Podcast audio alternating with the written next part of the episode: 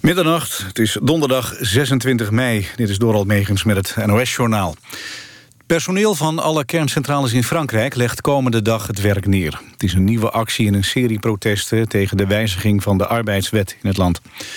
Volgens de vakbond doen werknemers van alle 19 kerncentrales in Frankrijk mee aan de staking. Die heeft waarschijnlijk geen gevolgen voor de energievoorziening. Ook de luchtverkeersleiders leggen het werk neer nieuwe arbeidswet leidde eerder al tot demonstraties in Frankrijk. Ook zijn olieraffinaderijen en benzineopslagdepots geblokkeerd. Daardoor hebben veel tankstations geen benzine meer. Op de Nederlandse krijgsmacht is de afgelopen jaren zoveel bezuinigd... dat de politiek heel snel met extra geld moet komen... om de nationale veiligheid te kunnen blijven garanderen. Dat zegt oud-minister van Buitenlandse Zaken... en oud-NAVO-topman Jaap de Hoop Scheffer. Volgens hem is het code oranje voor Defensie. De Scheffer was met andere defensiedeskundigen uitgenodigd door de Tweede Kamer... om advies te geven over de toekomst van defensie in Nederland. Bij de luchthaven van Rotterdam heeft korte tijd brand gewoed in een detentiecentrum... waar onder andere drugscouriers vastzitten. Iemand had een matras in brand gestoken. Het vuur was snel onder controle, maar er kwam wel veel rook vrij... en een kleine 50 gedetineerden moest worden geëvacueerd. Schrijver Leon de Winter heeft de Pim Fortuynprijs gekregen. Wie deze onderscheiding krijgt is taboe doorbrekend... gebruikt heldere taal en durft stelling te nemen... in het maatschappelijk debat, vindt de organisatie. De jury prijst Leon de Winter om zijn enorme gedrevenheid... in de strijd voor westerse vrijheden... die volgens hem geen automatisme meer zijn. Het is de tweede keer dat de Pim Fortuyn-prijs is uitgereikt. Het weer vannacht overal droog en het koelt af tot een graad of 8. Overdag eerst grijs, maar in de loop van de dag ook wat zon. Dan wordt het tussen de 18 en 22 graden. Later is er kans op een bui. Dit was het NOS Journaal. NPO Radio 1. VPRO. Nooit meer slapen.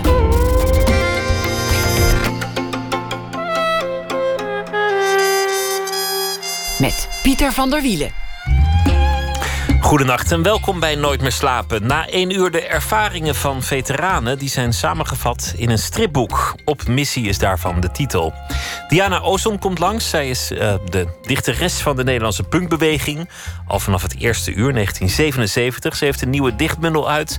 en ze zal optreden op een groot punkfestival in Amsterdam... met het filminstituut AI... waar ook heel veel punkfilms te zien zullen zijn. Maar we beginnen met Arna Matskic... Mortal Cities Forgotten Moments is de titel van een boek dat in een herziene versie is verschenen. En dat gaat over de wederopbouw van steden na afloop van een conflict. Zelf werd ze geboren in 1988 in Bosnië-Herzegovina. Groeide op in het stadje Mostar. Vooral bekend vanwege de Oude Brug, die ook op de werelderfgoedlijst staat. In 1992 brak daar de pleuris uit. De oorlog bereikte ook de stad Mostar. En de brug werd vernietigd. De familie Matskic moest vluchten. Omdat ze werden aangezien voor moslims. Ze waren niet praktiserend. Maar ineens werden ze toch in de islamitische cel geplaatst. En dat was gevaarlijk. Vader werd opgesloten in een concentratiekamp. Maar wist te ontkomen. En uiteindelijk kwamen ze terecht in Nederland. Matskic uh, groeide dus ook op in Nederland en ging hier naar de Rietveld Academie, waar ze zich ging bezighouden met de bouwkunst. En haar thema is geworden: wat doe je met een stad die in puin ligt als je hem weer moet opbouwen? En die ervaringen staan ook uh, in dit boek centraal. Hartelijk welkom, uh, Arna Matskic. Dankjewel. Laten we beginnen bij uh, het begin. Je was nog ontzettend jong. Je bent geboren in 1988. Klopt. Toen leek er eigenlijk nog geen veldje aan de lucht. Achteraf zijn er altijd mensen die zeggen we zagen het aankomen of het was al bezig. Maar de meeste mensen in en om Joegoslavië... die hadden niet door welke ramp zich zou voltrekken in, in de jaren daarna. Wat weet jij? Want dit, want dit zijn voor jou kinderherinneringen vermengd met verhalen. Hoe is de oorlog in, in Mostar aangekomen? Um, ja, het zijn inderdaad voor mij. Ik heb het natuurlijk als kind niet zo bewust meegemaakt, omdat ik tot mijn vijfde daar, uh, daar ben geweest. Uh, wat ik wel veel later natuurlijk heb gehoord en heb geleerd, is dat uh, begin jaren tachtig overleed uh, Tito, die de leider was van Joegoslavië. Um, en dat op dat moment, toen hij overleed, ook de economische crisis begon. Partijen begonnen nationalistisch te worden. landen begonnen zich af te scheiden. Wilden onafhankelijk worden. En nou, dat heeft natuurlijk die, die hele oorlog veroorzaakt. En Mostar ligt dicht bij de grens met, met Kroatië. Ehm, nou, en daardoor was er altijd al een, een soort ja, spanning, frictie tussen katholieke Kroaten en ehm, islamitische Bosniërs, die vaak inderdaad niet praktiserend waren. Op dat moment telt dat niet. Of je ooit een moskee van binnen hebt gezien, of, of je weet waar Mekka ligt, of dat er een Koran in je huis is. Als iemand op zo'n moment zegt: Jij bent moslim, dan is dat genoeg reden om te maken dat je wegkomt. Klopt. Ja, op dat moment telde eigenlijk um, vooral je, telde je voor- en je achternaam telde heel erg mee. Omdat je in voormalig Joegoslavië kan je aan de namen van mensen kan je horen ehm, of ze katholiek, uh, Servisch-orthodox of uh, moslim zijn. En of hun voorouders dat waren.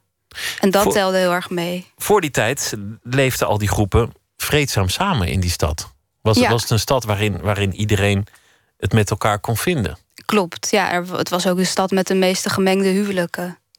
Ja. Midden in die stad lag, lag een brug. Een, een, een beroemde brug. Die, als je de stad googelt, zie je ook voornamelijk plaatjes van die prachtige brug. Soms herbouwd, soms in puin. Meestal een oude foto van hoe het was. Daar komen we straks over, over te spreken. Wat is er gebeurd vanaf het moment dat het, dat het misging in, in 1992 met jouw familie? Hoe, is dat verhaal gegaan? Um, nou, mijn familie, ik, want je vertelde net dat ik in Mostar ben geboren. Ik ben geboren in een stadje vlakbij Mostar, wat nog uh, verder eigenlijk dichter op de grens met uh, Kroatië ligt. Um, en een groot deel van mijn familie woonde inderdaad wel in Mostar. Um, ja, ze, ja, wat er is gebeurd, eigenlijk hele verschillende dingen. Sommige mensen zijn meteen gevlucht aan het begin van de oorlog. Anderen hebben, zijn daar de hele oorlog geweest. Uh, er zijn ook familieleden vermoord. Ja, eigenlijk heeft iedereen het op een hele andere manier meegemaakt. Uh, en mijn gezin, waar mijn ouders. Nou, daarbij gebeurde inderdaad dat mijn vader werd meegenomen naar een concentratiekamp. Nou, op het moment dat hij eruit was, konden we in feite kiezen uh, of. Uh, of, of vluchten, het land uitgaan, of ze konden niet garanderen dat, uh, dat we in leven zouden blijven. Het werd hem zo verteld. Ga precies, maar weg. Ja, precies. En volgens mij is hij er ongeveer drie, drie of vier maanden gezeten. Uh, en omdat hij nooit mee heeft gedaan met ehm, een bepaalde politieke beweging of nationalistische uitspraken heeft gedaan, mocht hij met de eerste groep mensen die vrij is gelaten, kon hij er ook uit. Um, nou, en toen hebben mijn ouders meteen besloten van nou, we, we moeten vluchten. Er zit, zit gewoon niks anders op. En dat moest dan ook waarschijnlijk redelijk gehaast. Het was niet ja. echt uh, tijd om het huis te koop te zetten of om. Nee, om de nee sterker nog, het huis werd gewoon ingenomen door, uh, door eigenlijk weer mensen, uh, ja, katholieke Kroaten die in het oosten van Bosnië woonden en die daar weer niet gewenst waren en van daaruit gevlucht waren. Zij hadden ons huis uh, ingenomen. Um, ja, dus er, nee, er was absoluut geen tijd. Je, je bezit, dat telde gewoon ook niet meer mee. Dat, dat was het minst belangrijke op dat moment. Het gaat gewoon puur over ja, je veiligheid. Joegoslavië was, was een droom van na de Tweede Wereldoorlog. Het, het was een project van, van Tito, die in 1980 overleed. Daarvoor was het een gebied dat dan weer hoorde bij het grote Ottomaanse Rijk. Een tijdje bij het Oostenrijks-Habsburgse Rijk. Soms bij deelstaten van Italië. Heel veel bevolkingsgroepen, religies, alles leefde door elkaar. Lange tijd leek dat goed te gaan. En in 1991, dit kan ik me echt nog wel herinneren uit, uit het nieuws in die tijd, ontplofte dat als een kruidvat. Hmm. Al die groepen die ineens tegen elkaar ten strijde trokken, dorpen die uit elkaar werden gescheurd en die enorme vluchtelingenstroom. Ik ben zo benieuwd hoe dat eruit ziet door de ogen van een kind. Wat herinner jij nog uit eigen waarneming van, van die momenten? Van, uh, van de vlucht zelf bedoel je? Van de vlucht, van, van het uitbreken van de oorlog. Ja, dan ik was herinner me. Vier, vijf jaar oud. Klopt, ja. Nou, ik herinner me wel dat er heel, er was heel veel angst. Dat weet ik heel goed. Uh, ik herinner me de spanning van, me, van mijn moeder vooral. Maar dat was ook omdat mijn vader natuurlijk was, uh, was meegenomen. Uh, ik herinner me het moment dat hij is meegenomen. Ik herinner me het moment dat hij terug is gekomen. Um, een enorme nou ja, een soort afstandelijkheid zat er in hem. Uh, wat ik als kind heel, uh, heel raar vond. Um, wat bedoel je met afstandelijkheid? Nou, hij kwam, hij kwam daaruit en hij was natuurlijk een, een ander.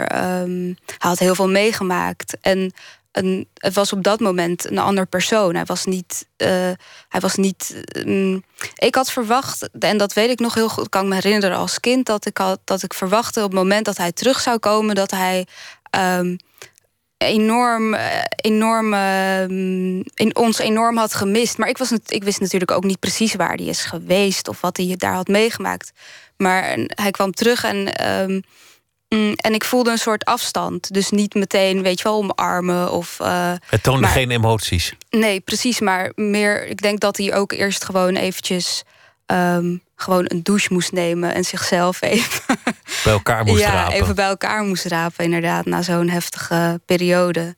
Ja, en verder, ja, ik herinner me, we zijn eerst naar Kroatië gevlucht. En toen uh, vanuit Kroatië richting Duitsland. En toen van Duitsland naar, naar Nederland. Hadden jullie uh, een plan? Of zijn jullie gewoon weggegaan? Nee, we zijn gewoon weggegaan. En we hadden wel een oom van mijn moeder woonde dan in Berlijn. Dus we zijn eerst daar naartoe gegaan. Um, en toen bleek al heel snel dat we um, dat, dat Duitsland vluchtelingen terug zou sturen. En, en we hoorden dat in Nederland. hoorden we ook weer via via dat uh, vluchtelingen wel werden toegelaten. Dus toen zijn we doorgegaan naar, uh, naar Nederland. Ja. En toen zaten we ook in een uh, treincoupé uh, naast een mevrouw die, die natuurlijk zag dat er iets aan de hand was. Dus die, uh, dus die vroeg ons ook, ja, waar gaan jullie heen? En bleek dat zij uh, bij vluchtelingenwerk werkte. En toen heeft ze ook een kaart van Nederland getekend op een stuk papier... en precies verteld waar we heen moesten gaan. Heel behulpzaam. Heel behulpzaam, ja. Had je enig beeld van Nederland toen je die naam voor het eerst hoorde? Van, nee, geen... Eerst, eerste trein naar, naar Duitsland en dan daar hoor je ineens Nederland. We gaan naar Nederland. Had je enig idee waar, wat dat was? Nee, geen idee. En was ik ook echt te jong voor om dat nog... om dat besef te hebben van verschillende landen, denk ik. Of... En je kon ook niet beseffen dat je daar zou blijven. Misschien zou het allemaal weer rustig worden in, in, in Mostar... en zou je teruggaan. Precies, Had ook nog ja. gekund. Of, of weer naar volgende bestemming. Precies, ja. Niemand wil natuurlijk ergens naartoe vluchten. Dat is een, dat is een veel gehoord misverstand. Maar Inderdaad. je wil ergens vandaan vluchten. Inderdaad, ja. Toen ben je hier terechtgekomen. Je hebt, je hebt dus waarschijnlijk een aantal jaar in je jonge jaren ook in een asielzoekerscentrum doorgebracht. Ja, we hebben niet zo heel lang. Ik denk acht maanden ongeveer hebben we in een asielzoekerscentrum doorgebracht. En toen uh, konden we meteen in Zoetermeer gaan wonen.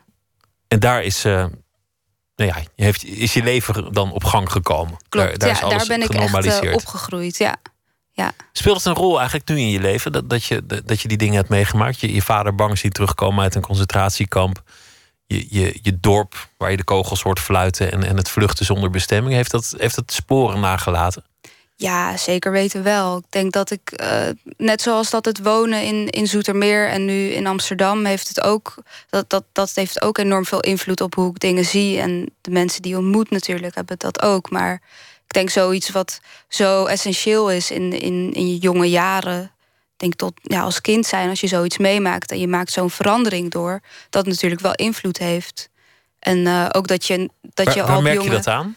Nou, merkte het wel dat ik op jonge leeftijd wel veel bezig was met waarom zijn mensen, waarom kunnen mensen slechte dingen doen? Of uh, waarom is dit ons overkomen? Waarom is het niet iemand anders overkomen? Uh, waarom, uh, ja, waarom ben ik daar geboren en woon ik hier? En uh, allemaal dat soort dingen, daar ben je dan op jonge leeftijd mee bezig. En waar hoor, hoor ik dan bij? En wat is dan mijn cultuur? En wat is dan mijn identiteit? En uh, ja.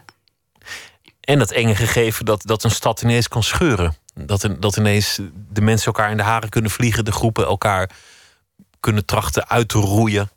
Terwijl het daarvoor zo rustig leek. Precies, ja. Ja, en dat heeft me ook wel doen beseffen dat dingen heel snel kunnen veranderen in het leven. Dat het morgen kan het totaal anders zijn dan vandaag. Het lijkt allemaal zo stabiel, maar dat is het niet. Nergens. Precies, nee, nergens. Nooit. Nee, nooit. Nee. Als kind tekende je heel veel. Klopt. Ja. Wanneer is dat begonnen? Um, heel snel al, denk ik. Heel vroeg. Um, ik weet dat in, in het asielzoekerscentrum kan ik me heel goed herinneren dat ik heel veel tekende. En maar daarna ook hadden we vluchtelingenwerk, organiseerden heel vaak tekenwedstrijden. Dan kregen we zo'n koffer met allerlei potloden en uh, krijtjes. En uh, tekende ik ook heel veel. En het is eigenlijk altijd wel gebleven. Ja, nog steeds, elke dag. dat bracht je uiteindelijk naar, naar de Rietveld. Ja. Is, is dat een, een beslissing geweest die al heel jong genomen werd? Of werd je door iemand erop attent gemaakt van... goh, als je dan toch zoveel zit te tekenen, waarom, waarom doe je dat niet? Ja, ik had wel een tekenleraar op de middelbare school. En die, die zei op een gegeven moment uh, van uh, ja, je, moet, je moet weg uit Zoetermeer. Ga naar Amsterdam. En, dat was voor mij wel de, het eerste moment dat ik dacht van oké, ja, misschien is dat wel echt een heel goed idee. Ja. Je kwam op de Rietveld, je interesseerde je toen al voor, voor gebouwen, voor bouwkunst. Uh, niet zozeer voor, voor platte kunst, maar echt voor dingen die tastbaar zijn, waar je doorheen kunt lopen. Een ander bepalend moment is dat je voor het eerst terugging naar, naar dat gebied van je jeugd. Wanneer was dat? Ja, dat was uh, volgens mij was ik toen tien jaar oud. En nou, wat, wat daar heel bepalend uh, was, was dat het. Nou, ik zag natuurlijk een land wat, wat van mij hoorde te zijn. Dus iets wat bij mij zou moeten horen. Maar het was compleet, of nou ja, voor een heel groot deel was het verwoest. En er was heel veel armoede en heel veel, gewoon heel veel ellende. Mensen die zich niet goed voelen, mensen die niet meer gemotiveerd zijn, mensen die gewoon ochtends eigenlijk liever niet op willen staan, omdat hun leven gewoon één groot puinhoop is. En, uh, nou, en die gebouwde omgeving, dat fascineerde mij wel heel erg. Dat je overal in de stad kogelgaten ziet, uh, daken die er uh, af zijn gevlogen door bommen. Um, dat, dat fascineerde mij enorm. En hoe mensen daar dan in kunnen leven. En dan elke dag herinnerd kunnen worden door, door die gebeurtenissen van, van nou, jaren geleden op dat moment alweer. Dat puin, in 1993, december 1993, is die brug in elkaar eh, gedonderd. Het, het gezichtsbepalende monument van de stad is, is verwoest. Ja. Heeft heel lang geduurd voor het, voor het herbouwd werd. Ja. Dat is uiteindelijk wel gebeurd. Daar gaat ook voor een deel jouw boek over. Ja. Hoe dat herbouwen is gegaan en of dat goed is gegaan, of dat, of dat verstandig is, is gebeurd. Weet je nog de aanblik van, van die stad zonder die brug, toen je daar ja, kwam? we hebben toen wel, er was wel meteen dat er een hulpbrug is gebouwd. En daar heb ik toen wel, uh, ben ik wel overheen gaan lopen. En, dus dat kan ik me nog heel goed herinneren. Dus dat die brug er lange tijd niet is geweest. En, uh, want in 2004 is het, uh, is het pas helemaal opnieuw opgebouwd. Ja, dus maar, dat was dat emotioneel ook? Om te, om te zien dat, dat, dat waarschijnlijk een van de weinige plekken die je nog echt visueel kunt herinneren van, van zo'n stad, dat die nou, er niet meer is? Nee, niet, niet per se, omdat die hele stad uh, was verwoest. Dus die, het, ik, vond het, ik vond het heftiger. Die brug kon er ook nog wel bij. ja, ik vond het heftiger om te zien dat mensen leven en wonen in appartementengebouwen die, de waar kogelgaten in zitten. Uh, dus balkons met kogelgaten, um, façades met kogelgaten. Dat mensen daar gewoon in wonen, weet je wel, hun was ophangen, op het balkon zitten. Dat vond ik nog veel heftiger dan zo'n brug. Um, en natuurlijk is de, de verwoesting van zo'n brug was super heftig, omdat die brug uh, zo essentieel was voor de stad. Want de stad is zelfs vernoemd naar de brug. Uh, um, dus die stad hoorde bij de, hoort bij de brug. Zonder, zonder die brug was de stad er eigenlijk ook helemaal niet. Het is ook heel symbolisch, want je hebt, je hebt twee helften van een stad, voor een deel ook geografisch gescheiden. Ja. En dan, dan is de, een brug letterlijk ook de verbinding, maar ook figuurlijk de verbinding Precies. tussen bevolkingsgroepen. Ja, precies. Ja, en door het verwoesten van zo'n verbinding. Uh, zeg je natuurlijk ook als verwoester iets. Dan dat is ook een hele duidelijke boodschap. Van hier mogen mensen elkaar niet ontmoeten. En sterker nog, ze mogen niet uh, naar de andere kant toe lopen. En, uh, nou, en op dat moment, vanaf de oorlog, is Mostar ook echt een enorm verdeelde stad geraakt. Dat is in het korte thema van, van je boek en ook van heel veel van je werk. De, de gebouwde omgeving, wat, wat zegt het over de identiteit? Mm -hmm. Hoe kun je identiteit sturen met de gebouwde omgeving? En hoe moet je omgaan met een stad in puin als het moment is aangebroken om het te herbouwen? Daar gaan we het zo meteen allemaal over hebben. Maar eerst gaan we luisteren naar Alexis Taylor met de nummer I'm Ready. Don't you know I'm ready?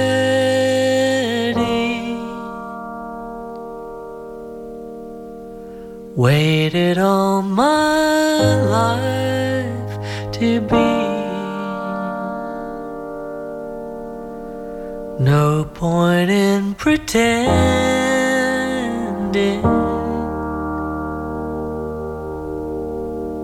No one I'm protecting.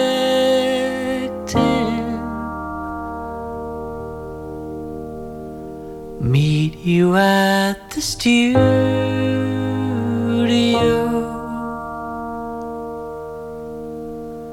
Show you how the notes could go. Make ourselves a document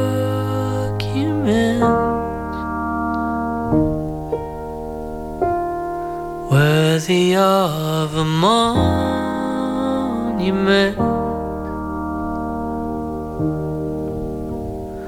I've always been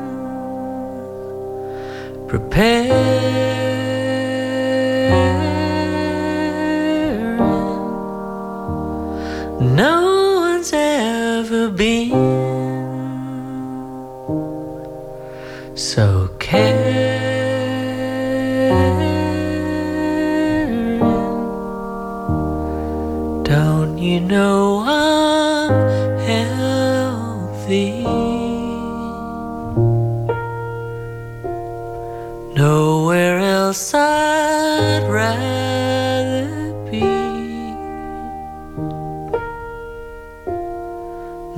Nothing to protect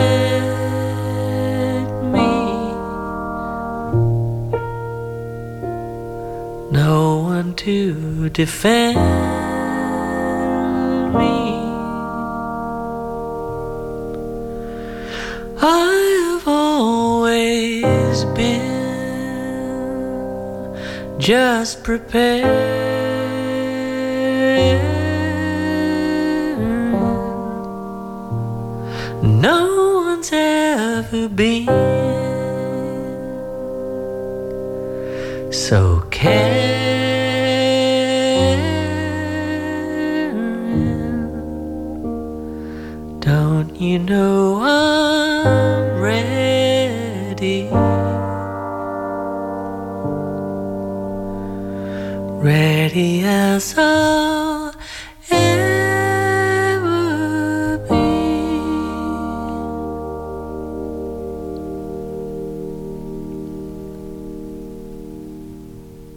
Alexis Taylor, normaal gesproken zanger van de danceband Hot Chip. Binnenkort komt zijn tweede soloalbum uit. Piano is daarvan de titel en daarop staat ook dit nummer, I'm Ready. Nooit meer slapen in gesprek met Arna Matskic. En eh, we hebben het al gehad over je, oorsprong, waar je vandaan komt en hoe je hier terecht bent gekomen. En eh, hoe het thema van de verwoeste stad ineens een rol ging spelen in je eigen leven. Mostar is voor een deel helemaal herbouwd. Voor een deel hebben ze het maar een beetje laten zitten. En voor een deel is het op een andere manier herbouwd. De meest natuurlijke neiging als een, als een stad kapot is gebombardeerd of geschoten. En het is weer vrede. Lijkt me om het gewoon te herbouwen alsof er nooit iets gebeurd is. Dat, dat Ja. is in zoveel steden gebeurd. Nou ja, neem Yper in, in België na de Eerste Wereldoorlog. Als je daar nu doorheen loopt, los van het grote monument, zul je niet zeggen dat het ooit een verwoeste stad was. Mhm. Het is gewoon een mooie oude lakenstad. Zo zijn er heel veel plekken die ooit in puin hebben gelegen, maar je zult het niet meer zeggen. Hoe is dat daar gegaan in, in, in Mostar? In Mostar is het eigenlijk eh, op twee manieren gegaan. En dat is zoals het heel vaak gebeurt. Dus ofwel ehm, helemaal terugbouwen zoals het is geweest. Dus teruggrijpen naar een bepaalde periode in de geschiedenis. Ehm, meestal die van vlak voor de oorlog. Ehm, of het wordt gewoon plat gemaakt en er worden ja, eigenlijk hele commerciële, beetje kapitalistische eh, gebouwen neergezet. Bling bling om ook een mooie nieuwe toekomst uit te stralen. Precies, ja. En waar het consumeren centraal staat. Ja, Nou ja, dus dat, dat is hoe het meestal gebeurt. Ja. nou was Joegoslavië in, in bouwkundige zin, las ik in jouw boek, ook al een project. Het, het was het project van Tito om, om een land te verenigen, om een geschiedenis te creëren, om al die groepen bij elkaar te houden, om al die verschillende landen en invloeden tot iets nieuws te smeden, namelijk dat, dat Joegoslavië. Hoe doe je dat met gebouwen? Hoe doe je dat met bouwkunst? Nou, hoe hij het eh, toen heeft bedacht, en dat- heeft hij toen ook met theater en met film eh, gedaan. Ehm, en met bouwkunst had hij het zo bedacht dat hij ehm, honderden monumenten liet bouwen. Ter nagedachtenis van eh, slachtoffers van de Tweede Wereldoorlog. Ehm, omdat dat eigenlijk een soort. Nou, dat was eigenlijk ook weer een verbindend element. Dus die Tweede Wereldoorlog was geweest. Joegoslavië had het overleefd. Hij was de leider geworden. Het land kon eh, gevormd worden. Ehm, en iedereen had dat meegemaakt. Dus iedereen had diezelfde ellende meegemaakt. Dus dat was een soort verbindend eh, element. Maar die monumenten die moesten eigenlijk niet teruggrijpen naar de geschiedenis, maar naar een soort gezamenlijke toekomst. Uh, dus ze moesten um, ook vrij zijn van een bepaald soort ideologie. Uh, mochten geen uh, symbolen van religie of nationalisme of bepaalde politieke ideeën in zich hebben. En vandaar dat ze er ook heel erg abstract uitzagen, heel erg futuristisch. Heel veel, heel veel beton of heel veel steen. enorm, enorm groot. een, een bepaald soort schaal waarbij je als mens echt heel erg klein voelt. Um, en, uh, en daar liet hij er honderden van bouwen. En dan ook nog op strategische plekken in het landschap. Dat, Precies, dat het landschap meewerkt om het imposant te maken. Inderdaad, dat je het niet vergeet. Inderdaad, ja. En vaak op plekken ook waar de strijd het, het meest heftig uh, was. Gingen mensen dan daar naartoe? Of, of kon je er gewoon niet omheen? Of, of werd het gewoon een plek om te, te skateboarden en te picknicken? Nee, het waren wel plekken waar mensen echt naartoe gingen. Ook omdat het hele uh, landschappelijk, zoals je zegt, hele mooie plekken waren. Uh, dus je kon er vaak heel goed wandelen. Um, um, of gewoon recreëren of picknicken of wat dan ook. Maar um, nou, en tegelijkertijd waren de bouwwerken zo imposant dat je dat wel wilde zien. En het, het, het werd ook wel georganiseerd vanuit scholen bijvoorbeeld. Uh, dat studenten daar elk jaar heen gingen tijdens de herdenking. Dus het zat ook gewoon een beetje in het systeem van heel veel, uh, van heel veel mensen. Hele imposante uh, bouwwerk. Je hebt er foto's van in het boek staan. Het, het zijn soms echt absurde creaties. Ja. Heel, heel futuristisch, enorm groot. ja, best wel, best wel maffe dingen ja, het is, zijn het. het is eigenlijk een beeldtaal die je op weinig plekken ziet. Um, want wel in heel veel andere Oost-Europese landen zijn ook wel hele grote monumenten gemaakt. Maar heel vaak hebben ze toch wel soort figuurlijke verwijzingen naar, uh, naar, naar, een bepaalde ideologie of een machthebber. Maar deze hebben dat echt absoluut niet. En dat maakt ze wel echt bijzonder. En dat zegt ook wel wat over, over Tito als leider, denk ik. Dat hij niet zichzelf op een groot standbeeld. Uh, als een groot standbeeld ergens wilde plaatsen, maar, maar het monument het werk liet doen. En ook de gedachte dat je vanaf nul moet beginnen, omdat het land niet echt bestond. Precies, voor hij begon. Dus moet je ook iets heel nieuws bedenken in, in je bouwwerken. Precies, en daarvoor is gewoon een, een hele nieuwe beeldtaal nodig. Iets wat niemand eerder gezien heeft. In de rest van Joegoslavië, als het gaat over uh, gewone alledaagse gebouwen, kantoren, um, flats, dan, dan was het wel gewoon een beetje Oostblok communistische stijl. Ja, een beetje inderdaad. Ja, een beetje socialistische uh, bouw. Beetje wat, je, wat je hier op het Mediapark ook nog wel, wel ziet. Dit soort ja, gebouwen. Ook, ook heel veel, bijvoorbeeld heel veel betonnen uh, lage flatgebouwen die dan wit gestuukt zijn. Ook een soort combinatie van ja, misschien communistisch en mediterraan of zo. En, uh, ja. die, die brug van, van Moster die is herbouwd. Vrij letterlijk herbouwd. Eigenlijk zou je daar nu kunnen komen en gewoon niet kunnen weten dat, dat hij ooit weg is geweest. Precies. Jij schrijft erover, je reflecteert erop. Waarom vind je dat jammer? Ik vind het jammer omdat daarmee een bepaalde periode in de geschiedenis, uh, die voor heel veel mensen heel erg, uh, nou ja, heel belangrijk is geweest, wordt daarmee ontkend.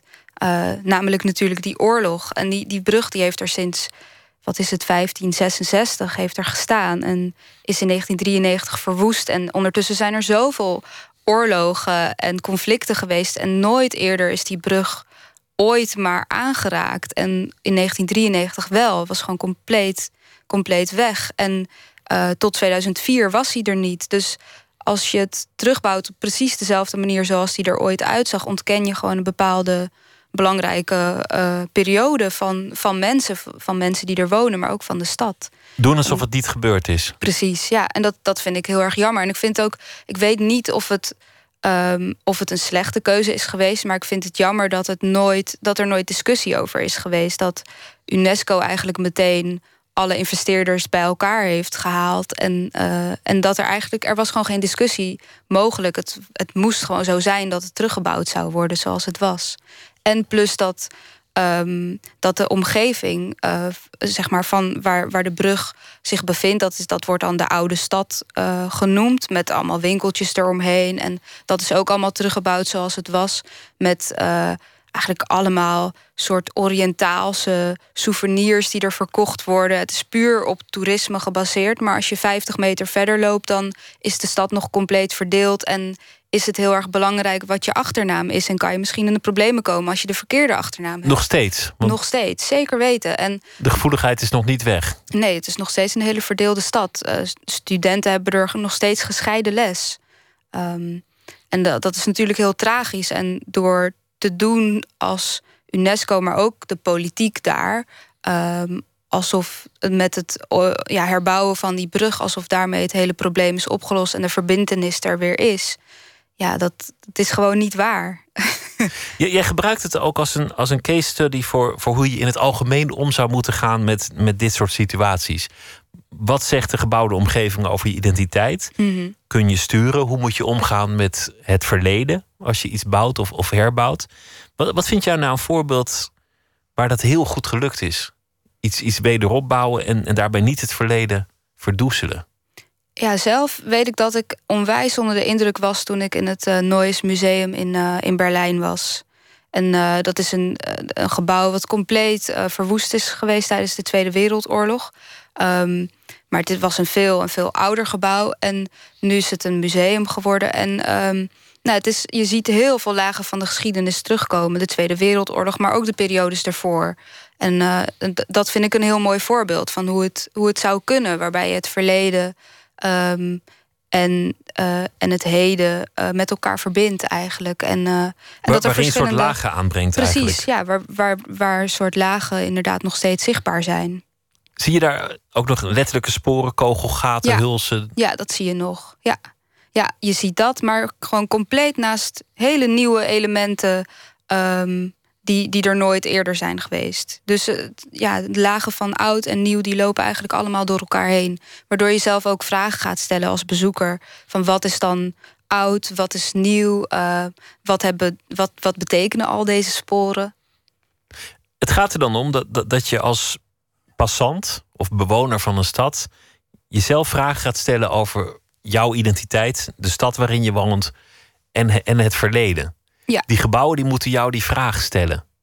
Do- Doen gebouwen dat eigenlijk? Stellen gebouwen jou dergelijke vragen? Is, is, dat het, het medium om die vragen voor te leggen? Ja, ik denk dat op, ja, misschien stellen de, de gebouwen stellen natuurlijk geen vragen, maar je kan wel, je verhoudt je tot je omgeving. Dus op het moment dat, eh, dat je omgeving jou iets oplegt, bijvoorbeeld als er alleen maar één bepaalde periode van de geschiedenis constant wordt benadrukt, ja, dan, dan heb je maar één manier om je daartoe te verhouden. Maar als dat op verschillende manieren gebeurt, kan je ook op verschillende manieren verhouden tot, eh, eh, tot, tot, ja, tot je omgeving, tot datgene wat je ziet. De grootsheid van Amsterdam, de grachtengordel, dat, dat is een reflectie op het rijke verleden van de stad. Op, Ja. op de Gouden Eeuw. Op eh, nou ja, de mooie tijd van Nederland, zoals, zoals het in onze geschiedenisboeken wordt afgeschilderd. Daar wordt ook heel veel niet in verteld, Precies. in die ja. bouwkunst. Hoe, hoe zou je dat, dat voor je zien? Ja, aan de ene kant wordt er heel veel, inderdaad heel veel niet verteld. Maar aan de andere kant wordt, wordt er ook eigenlijk alles verteld als je maar goed kijkt. Ehm, maar het gaat er vooral om wat er altijd wordt benadrukt. En ehm, ik heb zelf wel met eh, Raaf, een architectenbureau waar ik heel lang heb gewerkt, hebben we een project gedaan over het marineterrein eh, in Amsterdam. En dat gebied, eh, dat, was, dat was heel lang van de marine, dus beschermd. En eh, politici kregen daar onderdak als ze beschermd moesten worden. Maar eh, daar vandaan vertrokken ook de, eh, de schepen die eh, richting, richting de oude koloniën van Nederland. Ehm, dus er zit een enorme geschiedenis. Het was eigenlijk een soort eerste brug eh, naar de rest van de wereld vanuit Nederland. En nu is, dat marine, is het marineterrein helemaal vrijgekomen. Het is opengesteld voor publiek.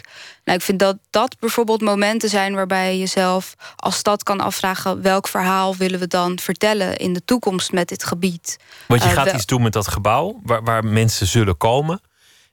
En wat je er ook doet, je zult daarmee ook meteen dat, dat verleden een, een rol geven. want dat Precies, zit al in moet- dat gebouw. Ja, je moet daar keuzes eh, in maken. Vooral als je omgaat, als je ja, moet omgaan met de bestaande gebouwde omgeving. En in dit geval is het dat, dat dat kleine wereldrijk dat Nederland was, of in ieder geval dat handelsimperium dat Nederland was, genoot militaire bescherming. En dat gebeurde voor een deel vanuit die plek, vanuit dat Precies, gebouw. ja. Precies, ja, dat gebeurde vanuit het eh marineterrein. Dus dat is eh, ja, gewoon een best wel een groot, best wel een groot gebied in het centrum van Amsterdam.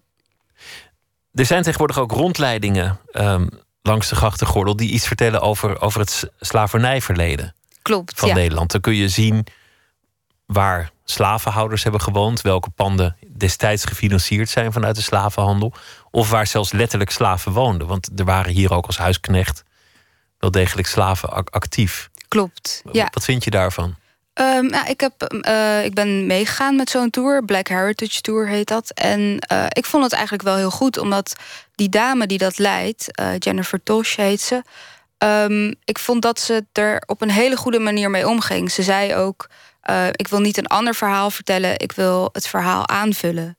En dat is ook een beetje zoals, zoals ik het heel graag zou willen zien: dat iedereen het aanvult met zijn versie van het verhaal, of zijn of haar versie van het verhaal. En eh, niet dat er maar één versie is van een, van een heersende macht, zeg maar. Dat iedereen zich dus ook thuis kan voelen in de stad. Precies, ja. En ik denk dat dat heel belangrijk is. En ook dat dat een van de grote opgaves is in heel veel West-Europese steden, binnensteden vooral. Van voor wie is het toegankelijk en wie bepaalt die toegankelijkheid dan? Maar veel is natuurlijk al vastgelegd omdat het monumentaal is. Daar, daar moet je niet aankomen, vind ik. Of het nou gaat om de mooie oude brug, Precies. of het ja. nou gaat om, om, om de Amsterdamse binnenstad, ja, monumentale omgeving, ja. moet, moet je intact laten. Ja, ik, ik ben het ook wel met je eens. Het is niet zo dat we nu de hele grachtengordel... dat we alle, alle panden moeten, moet moeten gaan veranderen. Maar eh, nou, een goed voorbeeld is misschien dat in Zweden... is het eh, Rijksdienst voor Cultureel Erfgoed... Is, is zich heel erg serieus aan het afvragen... op welke manier mensen eh, die een andere afkomst hebben... dus nieuwkomers in Zweden... op welke manier zij zich eh, ook het Zweeds cultureel erfgoed kunnen toe-eigenen. Moeten zij zich dan aanpassen of moet dat cultureel erfgoed zich dan aanpassen? Hoe doe je dat? En ehm, het, zeg maar, het überhaupt al stellen van zo'n vraag laat zien dat, eh, ehm, nou, dat Zweden eigenlijk veel verder is dan Nederland daarin. En ik zou heel graag willen dat in Nederland ook dit soort vragen worden gesteld, omdat daar in ieder geval discussie over eh, eh, kan plaatsvinden, die er nu helemaal niet is. Jij pakte dit onderwerp aan en je kreeg onmiddellijk uitnodigingen om te spreken op congressen, lezingen te geven. Je, je werd gevraagd voor, advies en, en ontzettend veel dingen vanuit alle hoeken van de wereld. Op de een of andere manier bleek je toch een vinger op een plek te hebben gelegd waar kennelijk niemand anders ooit heel erg aan was gekomen. Wa- wa- Was er, wa- was er behoefte aan gedachten over dat onderwerp? Ik denk het wel. Ik denk dat, ehm, ik denk dat er weinig mensen zijn die tot nu toe hebben nagedacht over welke rol architectuur speelt voor mensen ehm, mentaal. Dus hoe, eh, ja, wat betekent het als een stad verwoest wordt? Wat betekent het eh, voor jou persoonlijk als dat gebeurt? Hoe verhoud je je tot. Als jouw oude schoolgebouw of, of, of het huis waar je woont of het bedrijf waar je hebt gewerkt, als dat Als dat er plotseling, wordt gemaakt. Precies, als dat er plotseling niet meer is, hoe, hoe voel je je dan? Wat doet dat dan met je? Ehm, en ik denk ook dat ik ben geen academicus of onderzoeker per se. Ik schrijf niet alleen maar. eh, ik schrijf niet vanuit feiten. Ik schrijf ook heel erg vanuit. eh, ik schrijf als een architect, zeg maar. Dus ik denk dat dat, dat dat ook een verschil maakt van wat ik, wat ik kan zeggen. Ik probeer wel heel erg een standpunt in te nemen. En dat is iets wat heel vaak ook niet wordt gedaan, omdat mensen heel erg voorzichtig zijn. Maar ik denk dat in dit, bij dit soort onderwerpen, als je wilt dat de discussie verder komt, moet je op een gegeven moment ook echt een standpunt innemen. Want jouw jouw achtergrond is de tekentafel, ook het, het bouwen van stellages, van, van projecten, van installaties waar je, waar je dingen voelbaar maakt. Je bent meer een, een maker dan een, dan een strikt academisch eh, Precies, ja. persoon. Ja, ik probeer dingen wel beeldend te maken. Ja, te verbeelden. Je bent ook in, in Beirut geweest, ook een stad die, die regelmatig onder vuur ligt en eh, waar wederopbouw plaatsvindt. Hoe doen ze dat daar? Want de gevoeligheden zijn nog niet weg. De strijd is dan op een punt gekomen dat je kunt gaan herbouwen. Hoe, hoe, hoe vind je het daar gegaan? Wat viel je daarop? Wat me daar heel erg opviel is dat, eh, dat de ehm, heersende macht... dat die heel veel te zeggen had in de, in de, in de wederopbouw. Dus de, de minister van... eh, in, in de tijd dat er op heel veel werd opgebouwd... eh Havik Hariri heette die volgens mij... die was tegelijkertijd ook eh, de baas van een projectontwikkelbureau. en hij heeft uiteindelijk heel veel gebouwen opnieuw opgebouwd... Ehm, dus dat, dat zegt natuurlijk al heel veel dat iemand die in de politiek zit ook aan het opbouwen is. Eh, En daar is het ook op zo'n manier opgebouwd dat het dan. Uh, dat er een soort enorme commerciële laag over gebouwen heen is gezet. En toerisme speelde een grote rol. Um, en dat, dat is denk ik wel echt heel erg. Nou, dat is wel echt heel erg kwalijk. Aan de ene kant denk ik van ja. Het is, het is ook wel goed dat, dat zo iemand uh, heel veel geld erin stopt. Want er moet, op een gegeven moment moet er natuurlijk ergens geld vandaan komen om op te bouwen. Als dat er niet is, gebeurt er helemaal niks. Um, maar als je dan als, als politiek leider de keuze maakt van oké, we gaan dingen opbouwen, maar ze moeten tegelijkertijd ook geld opbrengen. Um, we, we, maar, we bouwen het eigenlijk alleen op voor de rijken. Uh, ja, dan maak je gewoon echt een hele grote fout. En dat zie je in Beirut wel heel erg terug. En ook dat, dat er heel veel ruimte is gegeven aan investeerders um, uit de grote olielanden. Uh, en die, die hebben enorme appartementengebouwen uh, gemaakt. Echt van die enorm hoge woontorens waar eigenlijk niemand in woont. Um, ja, en dat, dat is echt enorm treurig voor zo'n stad Want als Beirut. Vaak gaat het in een stad toch uiteindelijk over wie, wie heeft de macht, wie heeft de poen. Want die kan bouwen. Precies, ja. Vaak is een stad ook gewoon de winnaar. Of het nou in economische of politieke zin is, die de gebouwen neerzet. Dus als er een oorlog is geweest, dan is het gewoon de winnaar die de nieuwe architectuur bepaalt. Ja. Maar daar verzet jij je tegen. Ja, ja in, in, zover, in zover dat kan natuurlijk. Maar ik denk wel, ik weet helemaal niet of het zo simpel is hoor. Maar ik zou heel graag willen dat er een soort UNESCO is, maar dan net anders. Eigenlijk een, een onafhankelijke partij met commissieleden van verschillende uh, disciplines. Dus historici, uh, sociologen, antropologen, architecten. Um, die van tevoren al een soort mapping doen en kijken naar welke gebouwen, culturele gebouwen dan vooral, waren er van betekenis. En hoe gaan we daar in de toekomst mee om? Op welke manier moeten die opgebouwd worden?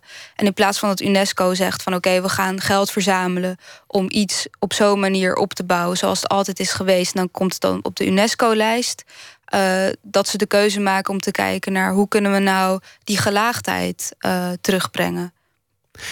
Het is een heel actueel thema op, op een heel tragische manier, omdat heel veel steden op dit moment tot puin worden gebombardeerd. In Syrië, in Irak, maar ook op, op heel veel andere plekken. De tijd van wederopbouw is nog niet daar, maar er zal wel al over nagedacht moeten worden, omdat het moment toch vroeg of laat gaat komen dat die steden weer opgebouwd moeten worden. Terug naar, naar Mostar. Die brug had ook één hele specifieke functie, namelijk je moest er vanaf springen om een man te worden. Klopt, ja. Op welke leeftijd gebeurde dat? Um, ja, je begon eigenlijk als, uh, als kind al uh, te, te oefenen. Dus van, uh, van lagere duikplanken aan de rivier. Ja, dus en, dat, en niet iedereen deed het hoor. Omdat het is natuurlijk best wel eng. Om, het is 19 meter waar je vanaf springt. En dan ook nog in, in een rivier, niet in een zee waarvan je zeker weet dat die diep is. Je kunt niet zien hoe diep het is als je erop staat. Nee, precies, ja. Dus het, en het is vrij, het is heel erg koud water en de stroming is best wel snel. Dus uh, het, is, het is wel heel eng om er vanaf te springen, inderdaad.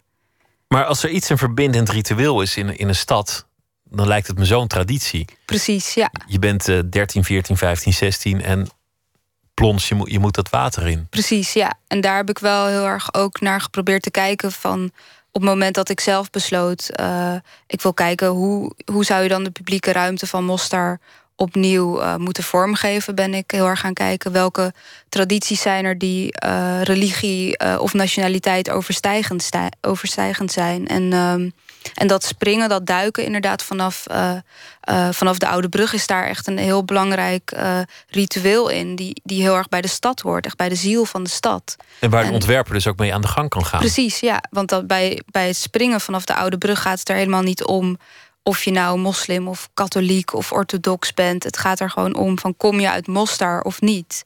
En want dat, dat is je identiteit, het, het zijn van een, van een persoon die uit Mostar komt. En dus daar heb ik toen naar geprobeerd te kijken. En uiteindelijk heb ik uh, besloten om een, uh, om een duikschool uh, te ontwerpen. Um, in de voormalige ja, neutrale zone, die door de Europese Unie als neutrale zone in de stad is uitgeroepen. waar mensen kunnen leren om vanaf van lage tot grote hoogte te springen. Om stapje voor stapje omhoog te gaan. Precies. En zo geleidelijk volwassen te worden in plaats van in één keer. Precies. Wat je daar zegt is ook interessant. Je komt vooral uit Mostar. Want, want in Nederland hebben we ook te maken met verschillende, verschillende vormen van ongezelligheid tussen bevolkingsgroepen.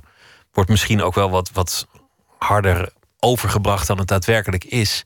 Maar dan zie je ook vaak dat de trots en de loyaliteit van alle groepen toch bij de stad ligt, bij de gemeente. Ja, Je bent een Hagenaar of je bent een, of Hagenees moet je dan zeggen, of een Rotterdammer of een Amsterdammer.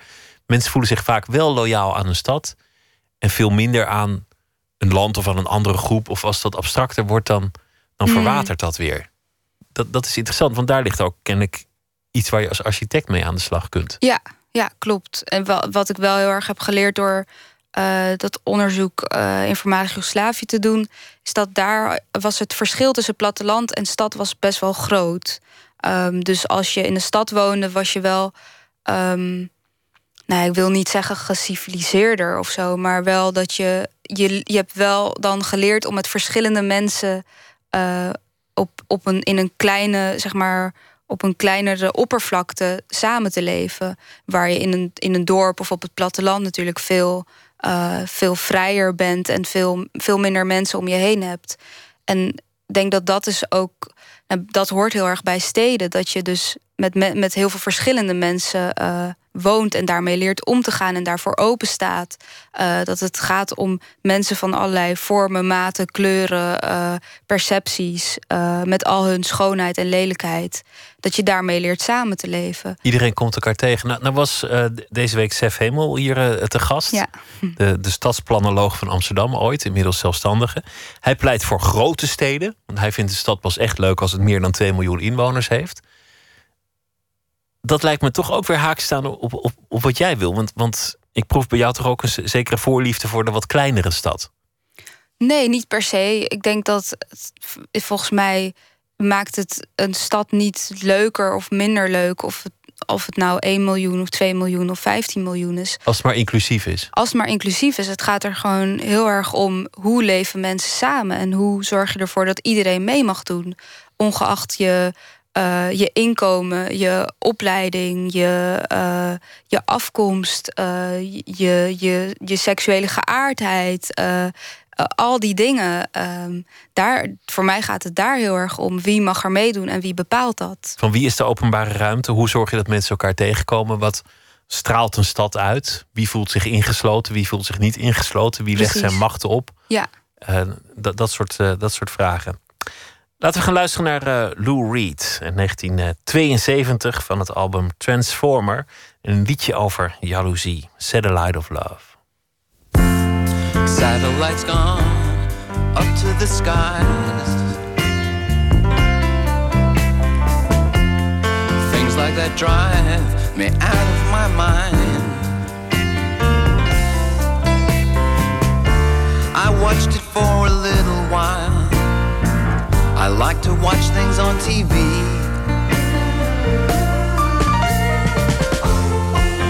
Satellite of love. Satellite of love.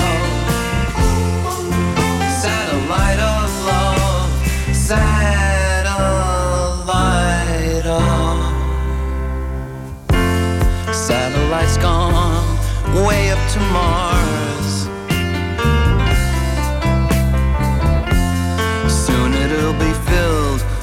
Parking cars. I watched it for a little while. I love to watch things on TV.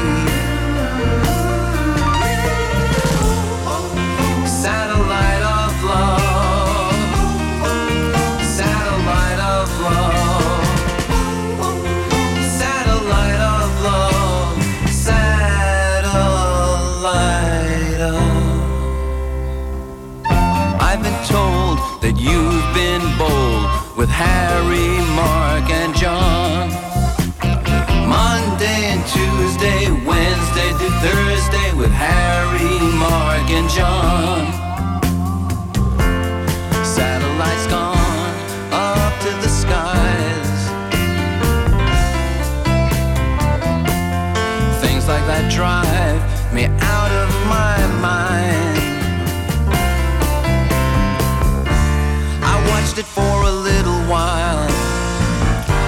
to watch things on TV.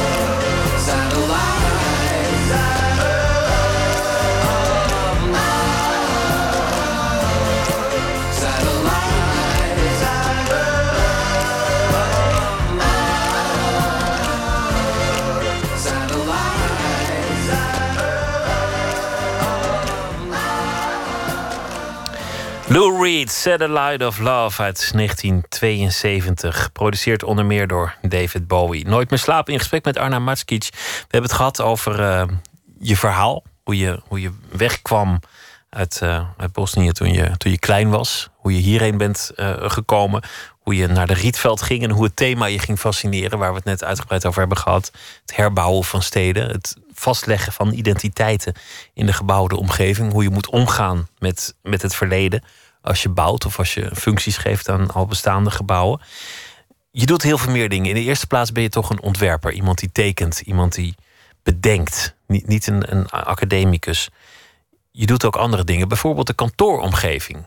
Want je bent inmiddels zo Nederlands als maar zijn kan. Je hebt het grootste deel van je leven hier gewoond. Je zult hier hoogstwaarschijnlijk ook wel blijven, of in ieder geval met regelmaat terugkeren. Denk ik. heb je, ja, heb je daar plannen over? Ja. ja, nee, zeker. Ja, ik, dit is gewoon mijn thuis.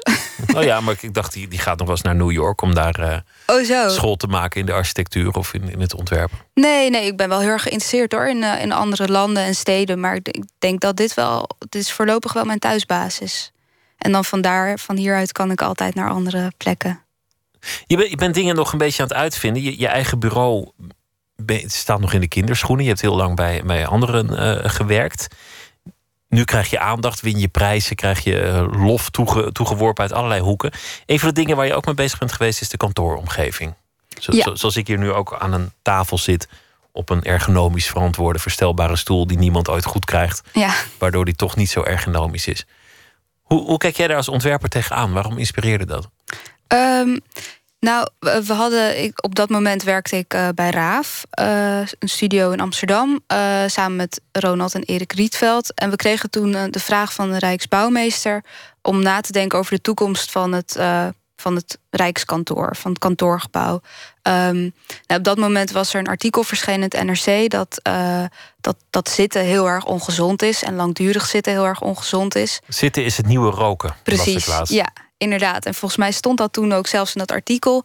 En toen zijn we samen met Barbara Visser eh, zijn we gaan samenwerken. En eh, toen hebben we een nieuw concept bedacht voor de toekomst. En we dachten, wat als we nou de stoel en de tafel, als, die, eh, als we die even helemaal achterwege laten, alsof die helemaal nooit bestaan hebben. Hoe zou onze omgeving, onze werkomgeving er dan uitzien? En eh, toen zijn we eigenlijk meer gaan denken in activiteit in plaats van in, eh, in meubilair. Dus we zijn eerst gaan bedenken op welke manieren kan je allemaal staan eh, en werken. Ehm, en toen zijn we gekomen tot het ondersteund staan. En we dachten eigenlijk van ja, dat, dat moet, moet al een keer bedacht zijn of dat moet bestaan. Maar dat, dat is dus blijkbaar niet zo. Ehm, maar dus dat bepaalde delen van je lichaam, dus bijvoorbeeld je onderbenen of je bovenbenen of, of je rug eh, of, je, nou, of je buik, eh, dat die ondersteund worden terwijl je staat, zodat je. ehm, zodat, je niet totaal, eh, zodat je niet totaal los in de ruimte staat, zoals je bij een staattafel wel doet. Ehm, en toen hebben we een soort, eigenlijk een soort apenrots bedacht, waar al die verschillende eh, eh, lichaamsposities eh, in zitten. En, en daar kan je dan in staan, maar ehm, het is niet zo comfortabel dat je de hele dag erin kan gaan staan. Ehm, maar maximaal ja, een half uur tot een uur, zodat je blijft wisselen. Want dat wisselen van positie, dat schijnt heel erg belangrijk te zijn. En dat bedoel je met een apenrots. Je slingert aan een tak, je komt op een ander plekje, je loert naar het plekje van de volgende. Precies. Die ja. wil je innemen. Ja, precies. En dat, eh, we hebben toen een eerste versie gemaakt eh, op een tentoonstelling, in een tentoonstellingsruimte. Een hele grote installatie waar je echt niet omheen kon. Dus je kwam binnen en je moest meteen al ja, jezelf verhouden tot die ruimte en een plek gaan zoeken in die rots. Ehm, en nu hebben we er ook één gemaakt eh, bij het eh, Rijksdienst voor Cultureel Erfgoed. Staat er één. Eh, die wordt dan gewoon door hun medewerkers gebruikt. Er staat er één in de Openbare Bibliotheek in Amsterdam. Die gewoon daar door de. of nee, sorry, de, de VU. In de Openbare Bibliotheek komt die later. Ehm, en waar die gewoon door studenten gebruikt kan worden. En eh, nu de afgelopen tijd zijn we ook gaan kijken of, of we misschien met andere materialen kunnen werken. Ehm, in plaats van, van deze was van hout gemaakt. En nu kijken we van, kan je bijvoorbeeld eh, met rubber werken of bepaalde schuimsoorten, dat je toch eh, een andere soort, ja, een ander soort gevoel hebt bij het contact van je lichaam met het materiaal. Het is interessant omdat je, dat je mensen in beweging houdt, zodat ze niet de hele dag zitten. Maar je gaat ook op een andere manier werken. Er zijn ook schrijvers die altijd staand een boek maken, typend. Ja. Om, omdat ze denken dat je daardoor actiever gaat schrijven. Dat, dat je levendiger ja. literatuur maakt. Ja, nou, er zijn ook heel veel filosofen die heel veel wandelden. Die uren, uren wandelden. Uh, omdat ze daardoor beter, uh, beter konden nadenken. Ja, en ik denk dat dat ook wel, dat, dat is zeker zo. Want als je de hele dag uh, zit en naar je scherm staart, ja, hoe, hoe mentaal actief is dat? op een gegeven moment moet je, heb je gewoon een beetje beweging nodig. Maar het is ook interessant hoe het ontwerp van de omgeving al maakt hoe mensen met elkaar omgaan in een omgeving. Dan heb je een kantoor, tamelijk overzichtelijk. Iedereen is er ooit aangenomen of binnengelaten, dus, dus dat is een vrij afgebakende groep. Maar door, door die omgeving anders te ontwerpen, krijg je meteen een heel ander kantoor, een andere productiviteit. Alles verandert. Ja, precies. Je moet je compleet anders verhouden tot de ruimte dan, dan je normaal zou doen als je een bureau en een tafel hebt. Je moet Um, ten, ja, je moet ten eerste nadenken over, over je lichaam. Dus wat, wat kan ik met mijn lichaam? Welke, welke posities uh, kan, ik, kan ik vinden met mijn lichaam in, in zo'n uh, in zo'n rots? Um, en en hoe, uh, hoe beweeg ik mijn lichaam daarin? En mensen voelen zich in, in het begin ook een beetje ongemakkelijk, want je moet posities innemen die je normaal gesproken niet inneemt. Je ziet je collega's ook anders dan normaal gesproken. Je kan uh, opeens liggen naast je collega. Um, of boven je collega hangen. Uh, ja, je moet je gewoon op een hele nieuwe manier verhouden. En ook gaan bedenken van wat vind ik nou een prettige manier om te werken. Dit is iets heel anders dan, dan de brug en, uh, en, ja. en, de, de wederopbouw. Wat voor dingen wil je op gaan richten? Of, of is het voor jou gewoon omgeving, ontwerpen en, en, en wat zich aandient? Ja, ik denk dat ik die, die breedte zou ik wel heel graag willen houden. En die vrijheid ook willen hebben om, uh, om eigenlijk per onderwerp ergens in te duiken. En, um, en, en me daar dan voor een korte tijd in te specialiseren. Um, zoals ik dat met de brug heb gedaan. Um, en, uh, en, en ook inderdaad dat staand werken. Maar ik wil me wel heel erg bezighouden met het ontwerp van publieke ruimte in steden. En, en die op een inclusieve manier ontwerpen. Dat is wel echt uh, waar mijn uh, grote interesse ligt. We begonnen met, met je vluchtverhaal. Hoe is, hoe is met je ouders verder gegaan? Ja, heel goed. zijn, die, zijn die helemaal gewend aan de plek waar ze nu wonen? Ja, zijn heel erg gewend. En inmiddels is er meer dan twintig jaar voorbij. Ja, nee, ze zijn zeker wel heel erg gewend. Want het lijkt me zo moeilijk om, om niet terug te blijven denken aan hoe, hoe had het anders kunnen gaan. Wat als ik daar was gebleven? Als je jong bent, dan pas je wel aan. Maar, maar vanaf een zekere leeftijd wordt dat moeilijk. Ja, dat, dat is ook zo. Maar ik denk dat voor hun was een, ook een enorme drijfveer waren natuurlijk uh, wij, hun, hun kinderen. Um, en, en ja, op een gegeven moment moet je dingen ook accepteren zoals ze zijn. En, uh, en verder gaan. En voor hun was het ook heel duidelijk dat uh, de stad waar we woonden, dat dat ook niet meer hun stad was. En, en, en denk dat ze daardoor ook um, ook een soort besef hebben gevormd dat je niet per se hoeft te binden aan een stad. Dat een stad niet maakt wie je, wie je bent. Um, maar dat je, ook, uh, dat je dat ook in een andere stad kan, uh, kan hebben. Dat, dat, ja, het geluk, je eigen geluk hangt niet af van, uh, van één plek. Van één plek, nee. Dat is een, een mooi verhaal in een tijd waarin heel veel andere mensen ook weer vluchten en elders terechtkomen. Arna Maskic, dank je wel. Het was leuk dat je het gast wilde zijn. Dank je wel. En heel veel succes met uh, alle projecten die je gaat doen. Dank je wel. Zometeen gaan we verder met uh, Nooit meer slapen. Twitter, het VPRO NMS. Op Radio 1, het nieuws van alle kanten.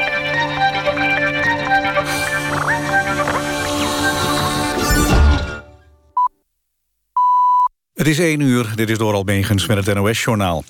Bij Coca-Cola in Dongen is zoutzuur gelekt. De situatie is onder controle, meldt de veiligheidsregio. Er zijn geen gewonden. Zoutzuur is een erg brandbare en bijtende stof. Nadat het lek kort voor middernacht was ontdekt... is alle afvoer naar buiten stilgelegd... zodat er geen schadelijke dampen vrijkomen. De fabriek van Coca-Cola staat op een industrieterrein aan de rand van Dongen. Er zijn geen huizen in de buurt. De Europese landen gaan gezamenlijk medische hulpmiddelen veiliger maken. Minister Schippers heeft daarover met haar Europese collega's... en het Europees Parlement een akkoord bereikt. Het gaat over 25.000 producten, van pleisters en kunstheupen tot implantaten en pacemakers. Consumenten kunnen binnenkort in een databank informatie vinden over veilige medische hulpmiddelen, zodat ze beter kunnen kiezen. In 2012 bleken de borstimplantaten van het Franse merk PIP grote gezondheidsproblemen te veroorzaken. Het nieuwe akkoord moet zulke problemen voorkomen. Elf Amerikaanse staten gaan naar de rechter omdat ze het niet eens zijn met het wc-besluit van president Obama. Die heeft scholen verplicht om transgenders te laten kiezen naar welk toilet ze gaan... om zo discriminatie tegen te gaan. De staten vinden die verplichting onwettig. In Amerika woedt al langer een discussie over het toiletgebruik van transgenders. Zo bepaalde de staat North Carolina dat transgenders naar de wc moeten... die past bij het geboortegeslacht. De jeugddocumentaire Hoe Kei Niels werd... is op een internationaal festival voor jeugdtelevisie in München in de prijzen gevallen. De film won in de categorie non-fictie voor kinderen van 11 tot 15. Ook won de documentaire de Gender Equity Prize. De Icon-documentaire werd uitgezonden door de EO... en gaat over Niels, die is geboren als meisje, maar wil verder als jongen. Het programma Beastie Boys van de VPRO won de prijs van de kinderjury... in de categorie non-fictie 7 tot 10 jaar. In Beastie Boys gaat het over de bijzondere band tussen mens en dier. Het weer vannacht droog, het koelt af naar 8 graden. Overdag grijs, maar in de loop van de dag wat meer zon. Dan wordt het tussen de 18 en 22 graden. Dit was het NOS Journaal. NPO Radio 1. VPRO. Meer slapen.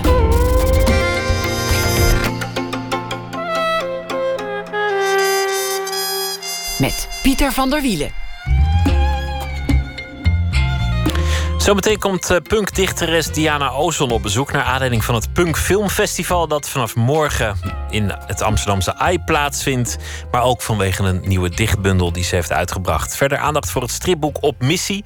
geïnspireerd op ervaringen van Nederlandse veteranen... in Pakistan, Eritrea of voormalig Joegoslavië. We beginnen met Katelijn Schilder.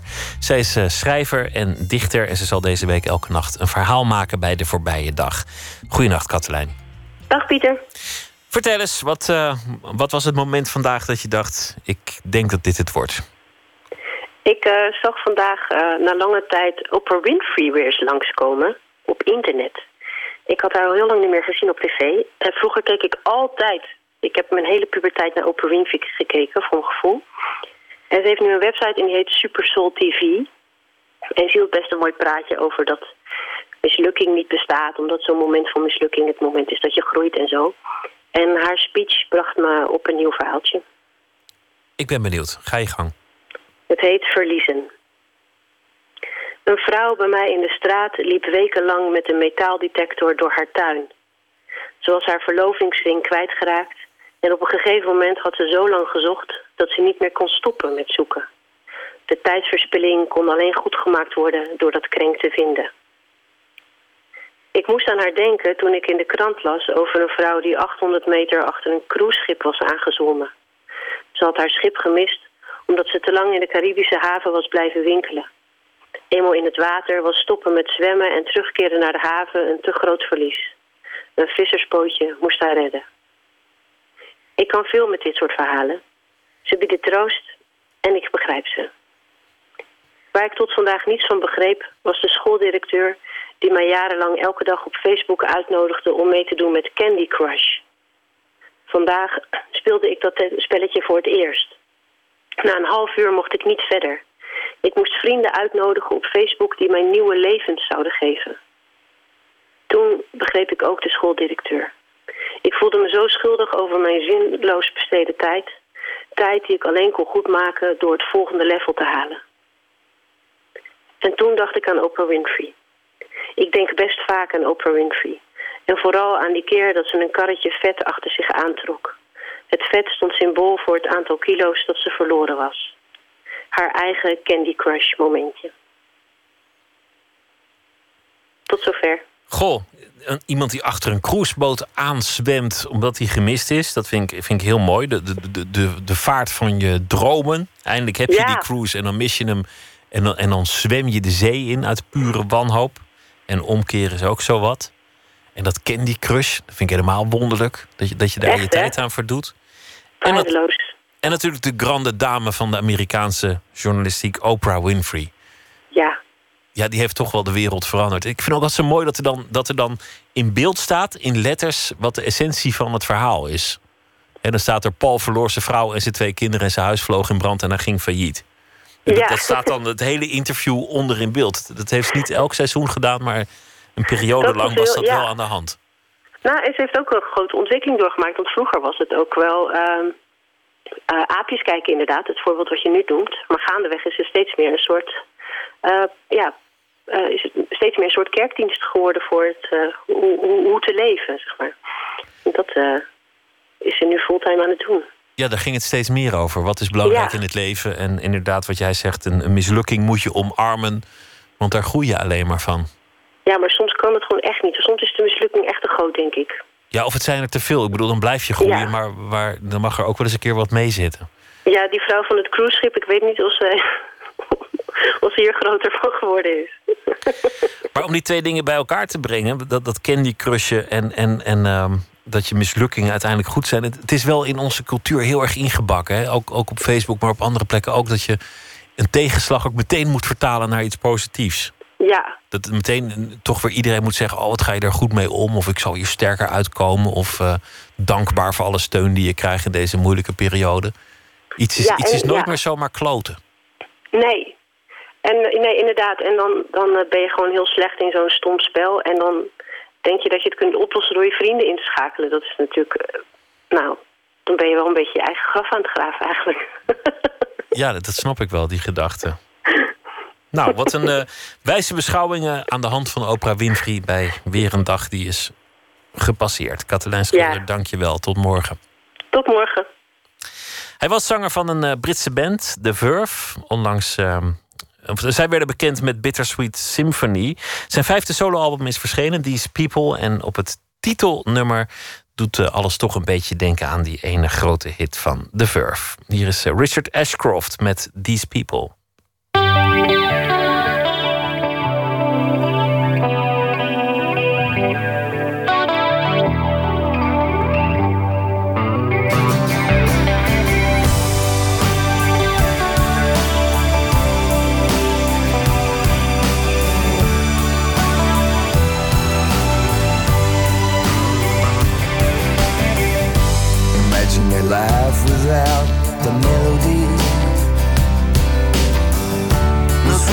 song.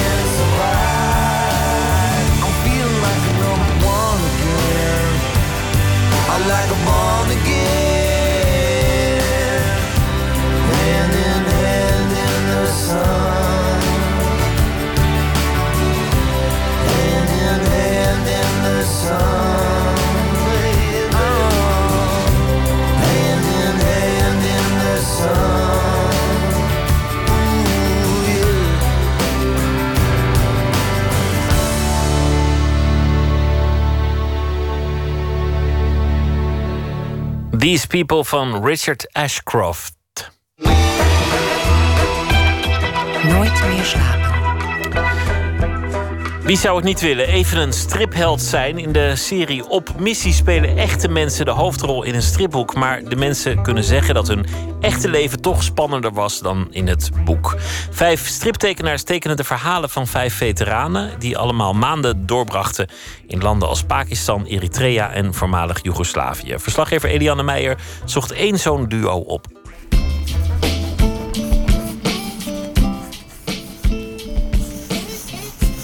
Ik begin eigenlijk altijd met een soort van basisvormen.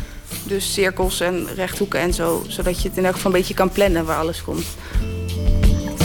De 24-jarige Emma Ringelberg wist al op de basisschool dat ze striptekenaar wilde worden. En dat is ze inmiddels. Onder de stripwaardige naam Emma Ringelding. Eh, kijk, dat hoofd is een beetje een rechthoek zo. Als je het algemeen tekent. En dat lichaam is een soort van kwartbol. En dan de, de benen als stukjes. Een soort van boomstammetjes eraan. Langzaam verschijnt er op het papier een mannetje. In lichtbruin uniform, bovenop een groene stalen container in een desolaat woestijnlandschap. Hij heeft een smartphone in zijn hand en hij appt met het thuisfront. Kijk, zoals iemand die loopt of zo, dat, dat, dat weet je wel. Maar nu iemand die voorovergebogen zat te sms'en, dat is wel... Ik dacht, doe ik even, maar dat, dat, dat valt tegen. Dus dat moest ik toen... eh, heb ik foto's van mijn vriend gemaakt die op de tafel zat, zeg maar. Terwijl hij zat te sms'en. En dan, eh, ja, een soort van natekenen, toch? Die houding. Ik heb nu het gevoel dat het een heel houterig poppetje is. Emma Ringelding werkt mee aan het stripalbum Op Missie, waarin de ware verhalen van Nederlandse veteranen letterlijk opgetekend worden. Vorig jaar kwamen er al tien verhalen uit en nu nog eens vijf. Het bleek namelijk een bijzondere match te zijn: striptekenaars en militairen. Vertelt Koos Sol van het Nationaal Comité Veteranendag. Zij kijken op een andere manier naar die verhalen en naar de mensen. Met andere ogen en dan komt er ook iets uit wat er anders uitziet dan een foto. Of een letterlijke tekening en zo. Dat is ook een verschil. Het is ook heel leuk te horen van ze altijd dat ze heel erg eh, eh, geraakt zijn. Vaak achteraf ook door wat ze eigenlijk gehoord hebben. Dus dat is wel een, eh, een eh, mooie typering. Dat twee verschillende werelden op verschillende manieren ook bij elkaar komen. Het appende mannetje in Emma's tekening is kapitein Dennis Stoppelenburg, 38 jaar. Ja, heel raar om jezelf zo te zien. Ja, confronterend ook gelijk. De twee rimpels in mijn voorhoofd, Ja, dankjewel. ik ben een stripheld. We mogen Dennis zeggen. Of kapitein. Maar geen meneer. Dennis, de stripheld, doet in de stijl van Emma ook niet direct aan een meneer denken. Heb je geprobeerd om hem eh, waarheidsgetrouw af te beelden? Ja, een heel klein beetje. Maar eh, ja, een paar, ik paar dingen zoals dat kuifje. Je bent nu naar de kapper geweest. eh, meer dan vorige keer. Nou, je zegt kuifje, denk meteen kuifje in Afrika. Ja, nee, ja. Ja, Tintin in Timbuktu. Ik ben er ook geweest, dus dat, eh, dat, dat- ja, kan ik dan ook wel afschrijven. waar weer op komt. Oh nee, dat wordt een zware vlucht. Haal de neus omhoog. Spreid de vleugels. Duizend bommen en granaten. Dit overleven we niet. We- Weet je, er zijn niet zoveel striptekenaars, dus ik weet niet of je echt eh, stromingen hebt. Maar ik ben wel eens vergeleken met, eh, met eh, de ja, klare lijn heet dat. Inderdaad, net als kuifje. Nou teken ik wel vrij los en vrij snel. Maar ja, misschien die richting op. Maar ik heb bijvoorbeeld voor de radio, mijn ogen zijn puntjes. En, en de neus is gewoon een, een, haakje, zeg maar. Dus het is eh, in vergelijking met andere stijlen die in het boek staan. Kijk, hier heb je oogwit en de pupil en zo. Dat doe ik allemaal niet. Emma heeft heel veel verschillende stijlen. Tenminste, ik bestempel dat heel veel verschillende stijlen. En ik had de vorige strip al een keertje gelezen. Ik denk, ja, weet je, als er nou toch een strip komt... Heel ijdel misschien, maar het zou wel leuk zijn als er in ieder geval iets van een herkenning is. Dus ik was wel heel blij dat ze in ieder geval een- op een gelijkende manier eh, eh, tekent. En ik vind, ik vind het knap. Een geheime deur. Dennis heeft twee missies erop zitten. De eerste in Afghanistan en de tweede een wat onbekendere missie waar Emma's stripverhaal over gaat. Mali. Al tientallen jaren bevechten daar verschillende rebellengroepen elkaar en de regering. De missie in Mali wordt met bijna 60 omgekomen militairen in drie jaar de gevaarlijkste VN-missie genoemd. Maar daar merken de Nederlanders in hun kamp weinig van. In Afghanistan werd het op een gegeven moment echt kinetisch. Hè. De- elke keer als je de poort uitging, wel- welke eenheid dan ook... dan had je echt wel een, een keer een, een, een- een tik, eh, troops in contact. eh, Kinetisch betekent vechten. ja, ja, ja. Klinkt voor mij eufemistisch. Er gebeurt wat. Ja, precies. Nou ja, dus er gebeurde ook wat. Eh, En, en hier is het voornamelijk eh, eh, waarnemen. En door een selecte groep, hè, wat onze Special Forces, de commando's van de, van de landmacht... die zijn bij uitstek getraind om op de grond verkenningen te doen. Openlijk, maar ook heimelijk als het even eh, niet anders kan. Gewoon kijken, wa- wat gebeurt er nu overdag, wat gebeurt er s'nachts. Dat letterlijk in kaart brengen. We hadden helikopters daar eh, vliegen die eh, echt gewoon de troepenverplaatsingen in de gaten hielden. Wat gebeurt er nu? Ehm, en het, het grootste deel op het kamp was eigenlijk de logistiek om die zaken mogelijk te maken. Ehm, en daar was ik ook één van. Meteen op de eerste pagina. eh, ik had natuurlijk wel opgezocht waar de missie over ging, maar eh dat is nogal warrig online. En ik had wel flyertjes gevonden, maar Dennis legde dat in het begin ook wel even uit. En toen gaf hij de vergelijking dat Nederland eh, de zaklamp van de missie is. Want het is een hele grote missie met een heleboel verschillende landen. En Nederland heeft daar dus niet een vechtrol, zeg maar, maar een, een informatievergaren en opzoekrol. En ja, hij noemde dat een zaklamp. En toen dacht jij, yes, dat, dat is een goed beeld. Ja, die kan ik laten zien, Het inderdaad. is een heel complex gebied, ook politiek gezien, met stammenculturen. Wie praat met wie, wie heeft de ruzie met wie. Heel veel zaken blijven ja, onder de radar, klinkt dat dan eh, ehm, heel geheimzinnig. Maar het is heel moeilijk om daar inzicht te krijgen. Dus wat onze mensen daar gedaan hebben, is inderdaad in die duisternis proberen met een zaklamp te beschijnen van wat is hier nu eigenlijk. En, en dat, dat, dat speelt al, al, al- al vanaf oudsher. Het is een, eh, ja, een smokkelland, een grote smokkelroute. Loopt het door Mali met alle verstandhoudingen van dien. Aan zo'n missie als in Mali, waar de duizend bommen en granaten die het nieuws halen ontbreken, is moeilijk bekendheid te geven. Laat staan dat je kan uitleggen wat die militairen nou de hele dag doen. Laat zeggen, ik wist eigenlijk helemaal niks. Mijn, mijn, mijn beeld komt wel eh, uit, stripboeken, eigenlijk. Ik vond het dus echt een ontdekking dat ze internet hadden. Ze hadden een smartphone met, ja, met, met internet. Dat is ook wat ik op de omslag heb gezet. Dat hij in de, in de, in de woestenij zit te appen.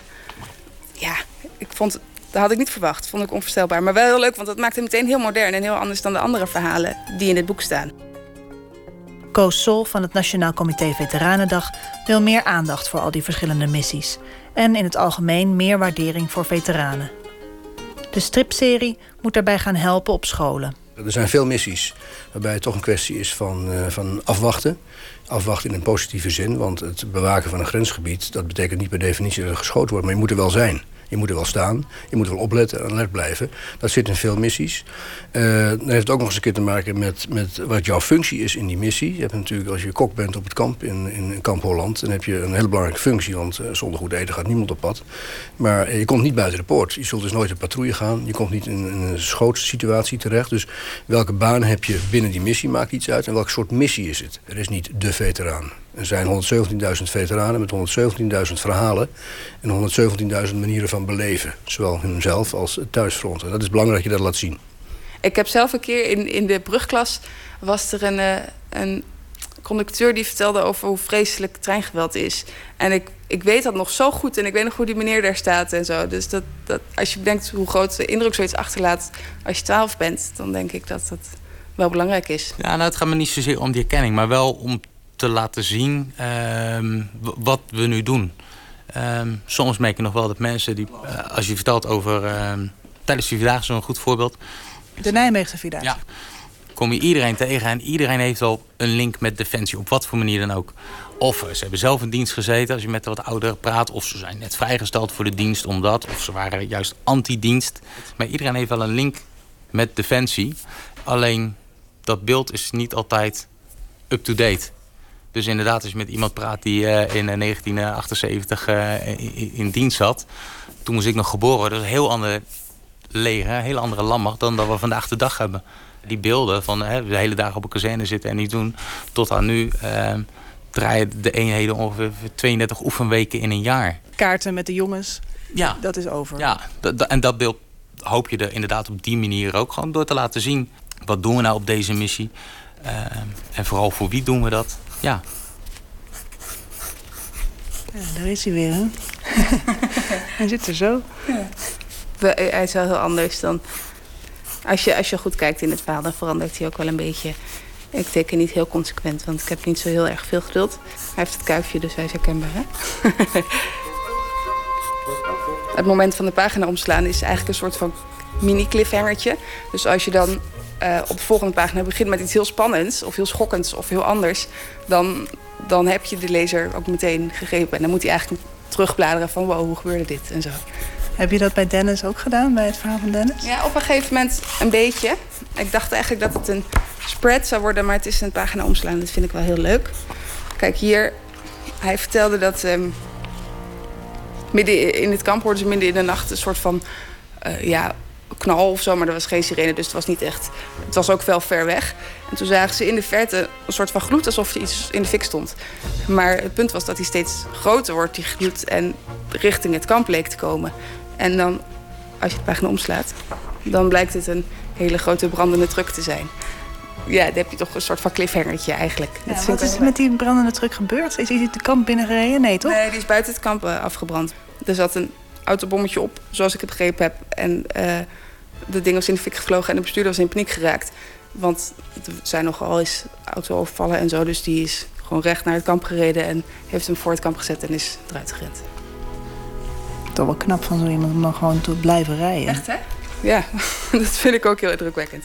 Nou, er zijn, er zijn veel indruk, eh, verhalen waarvan ik denk, wow, dat had ik zelf denk ik niet zo gedaan. Maar goed, daar zijn zij dan natuurlijk ook voor getraind. En ik voor het strip tekenen, dus zitten allemaal op onze goede plek.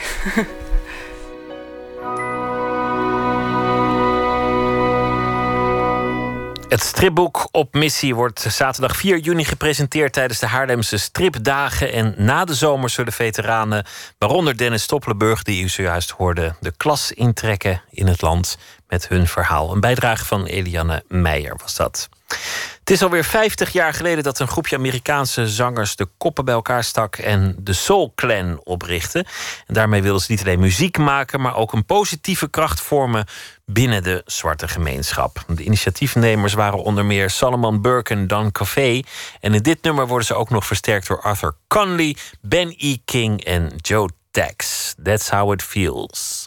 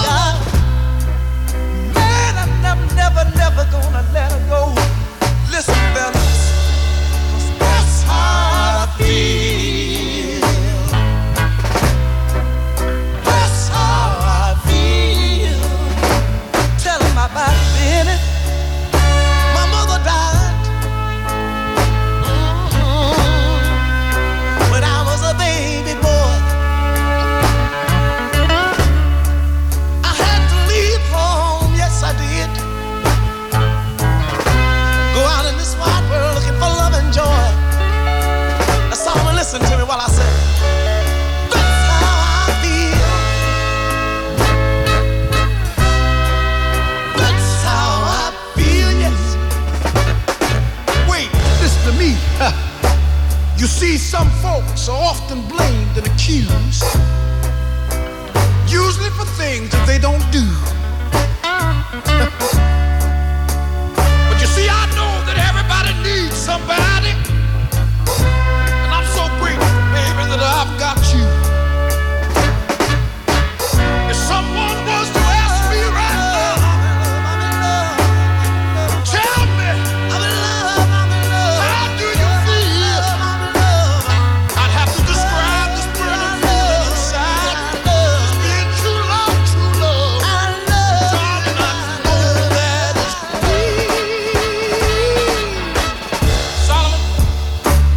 Something. True story. I got one sister, Lord, and eight of us boys. I was 13 years old, yeah. Oh, yeah. Before I got my first Christmas toy. And let me tell you this.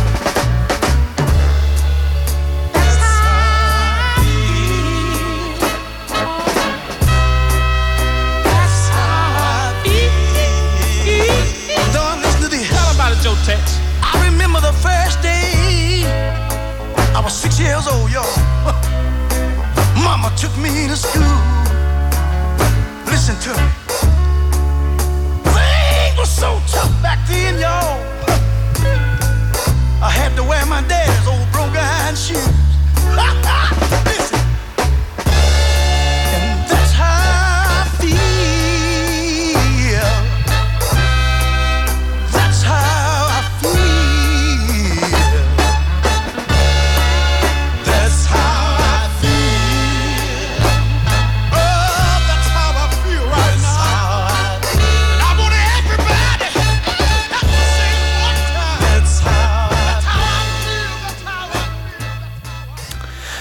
De Soul Clan, een all-star formatie met Arthur Conley, Benny King, Solomon Burke, Don Covey en Joe Tex samen uit 1968.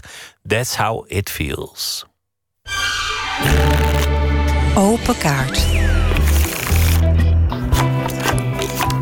De pak met kaarten die staat voor me. Op elke kaart staat een vraag en het zijn er 150. Dus de willekeur die eh, bepaalt mede het gesprek... opdat de gast zelf een kaart trekt. Diana Ozon is hier eh, te gast. Nieuwe dichtbundel uit, Zwerfzang. Ze wordt traditioneel aangekondigd als punkdichter. Wat het ook precies zijn mogen, maar daar komen we wel over te spreken, denk ik. En eh, komend weekende dan is er eh, in AI in Amsterdam, het Filminstituut, een festival gewijd aan de punkcultuur. Fury is daarvan de titel en Diana is een van de optredende artiesten. Die zal daar wat poëzie voordragen. Hartelijk welkom, Diana Ozon. Dankjewel, Pieter. Peter. Pieter. Pieter. Wat, wat, is, eh, goed. wat is een punkdichter eigenlijk? Nou, een punkdichter is eh, een dichter die eh, engagement in, eh, in de poëzie eh, heeft. En het waarschijnlijk niet eens poëzie noemt, maar gewoon teksten, gedichten. En de buitenwereld heeft dan bepaald dat het eh, tot de belletrie, tot de poëzie behoort. En eh, ja, er zit ook altijd wel een klein belerend vingertje bij. Het eh, punkfestival Fury in AI, het filmmuseum in Amsterdam... is vanaf eh aanstaan morgen, donderdag, tot en met eh 15 juni. Het duurt, het duurt langer, hè? Want er is Ja, een, tentoonstelling en er worden heel veel films getoond, Ja, documentaires. ja. En eh, er gebeuren allerlei dingen, optredens. Nou ja, alles wat in, in brede zin met. er is- zelfs een, punkbeweging een vintage eh, platenwinkeltje aanwezig. Punk is eh, niet dood, maar punk is wel min of meer een beetje museaal inmiddels. Het, het, heeft de interesse de laatste tijd. Er zijn tentoonstellingen over de punk, er verschijnen boeken over, eh, films, documentaires. Het, het is Ja, geschiedenis deze, geworden. de- kijk, eh, deze, eh, dit filmfestival laat natuurlijk zien dat het al eh, heel lang. op, op film en video is vastgelegd. Anders kon er geen 40 jaar punk vertoond worden in allerlei films. Maar dat gevestigde, ja, ik ben net terug uit Milaan van een, uit Bologna. Milaan heb ik ook aangedaan. Uit Bologna, Italië, waar een tentoonstelling street art, Banksy en eh, co. is. En een van de Italiaanse eh, graffiti-makers, eh, Blu, die heeft een statement gemaakt. omdat de Italianen tegenwoordig, net als fresco's, graffiti van de muren kunnen halen met een speciale techniek. En ze dan verdoeken. En elders ophangen. Die heeft, om dat te voorkomen, heeft hij eh, zijn werk van de muren gebikt. eh, want hij is daar een, groot eh, street artist, een groot graffiti-kunstenaar. Hij zegt, eerst hebben jullie de wereld verteld... dat we vandalen zijn en ons gestigmatiseerd. Vervolgens hebben jullie onze broedplaatsen, onze panden... waarin we werkten, ontruimd. En onze cultuur geprobeerd te vernietigen. En nu hangen jullie ons in musea. En eigenlijk zou je dat ook wel een beetje... over de hele punkencultuur kunnen zeggen. Gebeurt met veel culturen. Hè? Je, je moest ze horen over de rock'n'roll in de jaren 50. Kon allemaal niet. Moest eh, weggehouden worden bij de jeugd. En, en later vindt iedereen het eh, interessant en komen de standbeelden. Jij kwam uit de punkbeweging oorspronkelijk. Jij ging dichten en, en zo werd jij ook... eh, Ik dichtte al. je dichtte al voor je punk werd. Ja, ik, voordat ik ooit punkmuziek had gehoord... ik was gewoon al opstandig, zelfstandig en eh, zelfredzaam. En eh, punk sloot uitstekend aan bij het, eh, het gevoel... de stormondrang, de angry young girl... het pipi langkous zijn. daar slo- sloot het uitstekend bij aan. Zo halverwege de jaren 70 moet dat zijn het, geweest. het schrijven, dat heb ik gedaan vanaf het alfabetiseringsproces, ja.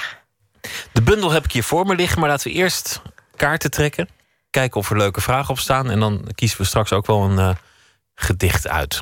Ga je gang. Ik ben heel benieuwd, hoor. Eh, het is echt inderdaad... eh, Je weet het ik zei nooit. Van, ja, ze zeggen, ja, dan wordt het een makkelijk gesprek. Ik zei van, nou, volgens mij is dat echt de VPRO, hoor. Deconditioneren. Hè? Want je weet niet hoe je dit moet voorbereiden. Oh, je pakt er meteen drie. Ik trek er drie. En dan ga ik, pak ik van die drie... Oh, dan ga je. Pak ik er één. Zo, nou. Welk collega is overschat? Nou, zoef, hé. Ja, nou noem er eens één. Welke, welke dichter in Nederland vind je nou echt, echt totaal overschat? Nee, ik vind niet. eh, ik, ik ken geen dichter die, die, die erg eh, overschat is. We overschatten onszelf natuurlijk allemaal wel eens. Maar die zegt van dat is een slechte dichter. En, eh, en die wordt heel erg goed gevonden. Nee. Dat, Maar een punker, nou, dat, is, dat is kijk, de, flauw. Ik tijd wilde zal zeggen... dat, de, de tijd zal dat leren. Die werkt als een zeef. En, eh, en, en mensen die, die zijn soms eh, eventjes eh, heel erg in de belangstelling... en dan even later hoor je er niets meer van. En dat zou je dan overschat kunnen noemen. En het kan ook zijn dat er een andere reden is... waarom de pen droog is gaan staan. Nee, ik, ik, ik ga hier... ik ga niet iemand... want dat, dat, daar ben ik dan ook wel weer... zo sociaal in. Ik ga niet iemand de grond in. Ik douw hem ook meteen weer weg de, de grond in eh, kletsen, zeg. Die met, Nee. met, met alle moeite. Maar verzet je je Eh. tegen, tegen een gevestigde orde? Dat was, dat was ooit heel erg punk om je, om je tegen dingen af te zetten. Maar is dat in de, in de poëzie ook zo geweest? Zette jij je in der tijd Nou ja, ik af zet, me, ik, ik zet mij in ieder geval af tegen het hiërarchisch denken... dat iemand overschat of onderschat. eh, dat, dat, dat er... dat er gradaties zijn. Ik geloof niet in, dat, eh, in het systeem van dat is beter dan dat. Nou, trek nog een kaart. We, Ja. we, we blijven het gewoon proberen. We blijven het gewoon proberen. Ik pak er weer gewoon drie. Dan kijken we weer. Welke van de drie? Wie van de drie? Het wordt. Nou, hup. Wat vind je lelijk aan jezelf? Nou zeg. Goh. Je hebt wel leuke kaarten. Wat vind je Ja. lelijk aan jezelf? Oh, wat, wat, wat ik lelijk vind? Eh, ik zeg soms te veel eh, eh, hè? Dat, eh, Nou, dat doet iedereen. Nou, dat vind ik niet fraai. Dat is weinig fraai. En, eh hmm, even denken. Nou, ik ben op dit moment een beetje... Ik ben, ben een paar kilo te zwaar. Dat, nou, lelijk wil ik niet zeggen. Ik vind het ergens... eh, ergens kan ik me er ook wel in vinden. Maar ik vind het wel vervelend dat ik dat... eh, ik heb daar straks een of ander prachtig overhemd aangetrokken. Ik vond dat toch een beetje te strak zitten, hoor. Daar moet ik, eh, daar moet ik even aan gaan werken zonder mezelf te kwellen. Hoe ver ben je gegaan in je, in je uiterlijkheden in, in de punkbeweging? Je hebt, je hebt nu ja, ja, wat, wat, wat, ja, haar. Daar zou ik nog wel enige... Nou ja, kijk, ik hou, ik hou ervan om veel haar te hebben. Mijn sterrenbeeld is leeuw. Ik heb het altijd fijn gevonden Ja, het zijn om een soort manen en, manen, en, maar- en, maar- en woest haar te hebben. Ik vond als, eh, als kind... eh, eh, maakte ik al van die woeste, woeste kapsels eh, bij mijn poppen. Dat vond ik fantastisch. Ik ben opgegroeid in, eh, in de jaren zestig... toen veel en hoog haar mooi was. En ik vind dat ook wel heel, erg mooi, ja. Maar heb jij, heb jij ooit, ooit hanenkammen gehad? Want- Ja, want- ik heb een hanenkam gehad. Ik heb zelfs helemaal geen haar gehad. En, en, en gewoon kort haar. Eigenlijk is uiterlijk op zich... Ik zit in mezelf, hè. Ik heb daar niet zo... Ja, ik kom mezelf natuurlijk wel tegen in de weerspiegeling. eh, maar, eh, en in de spiegel van eh, de medemens die naar me kijkt. En het is natuurlijk opvallend als je goed verzorgd bent. Iedereen op straat groet. En als je een keertje... zeg maar een bad hair day hebt... dan kan je vrijwel ongemerkt over straat gaan. Dat, dat is ook wel weer een beetje oneerlijk. Hè? Dat mensen niet alle mensen even hartelijk begroeten... en, en een voorkeur hebben voor iemand die er opvallender uitziet.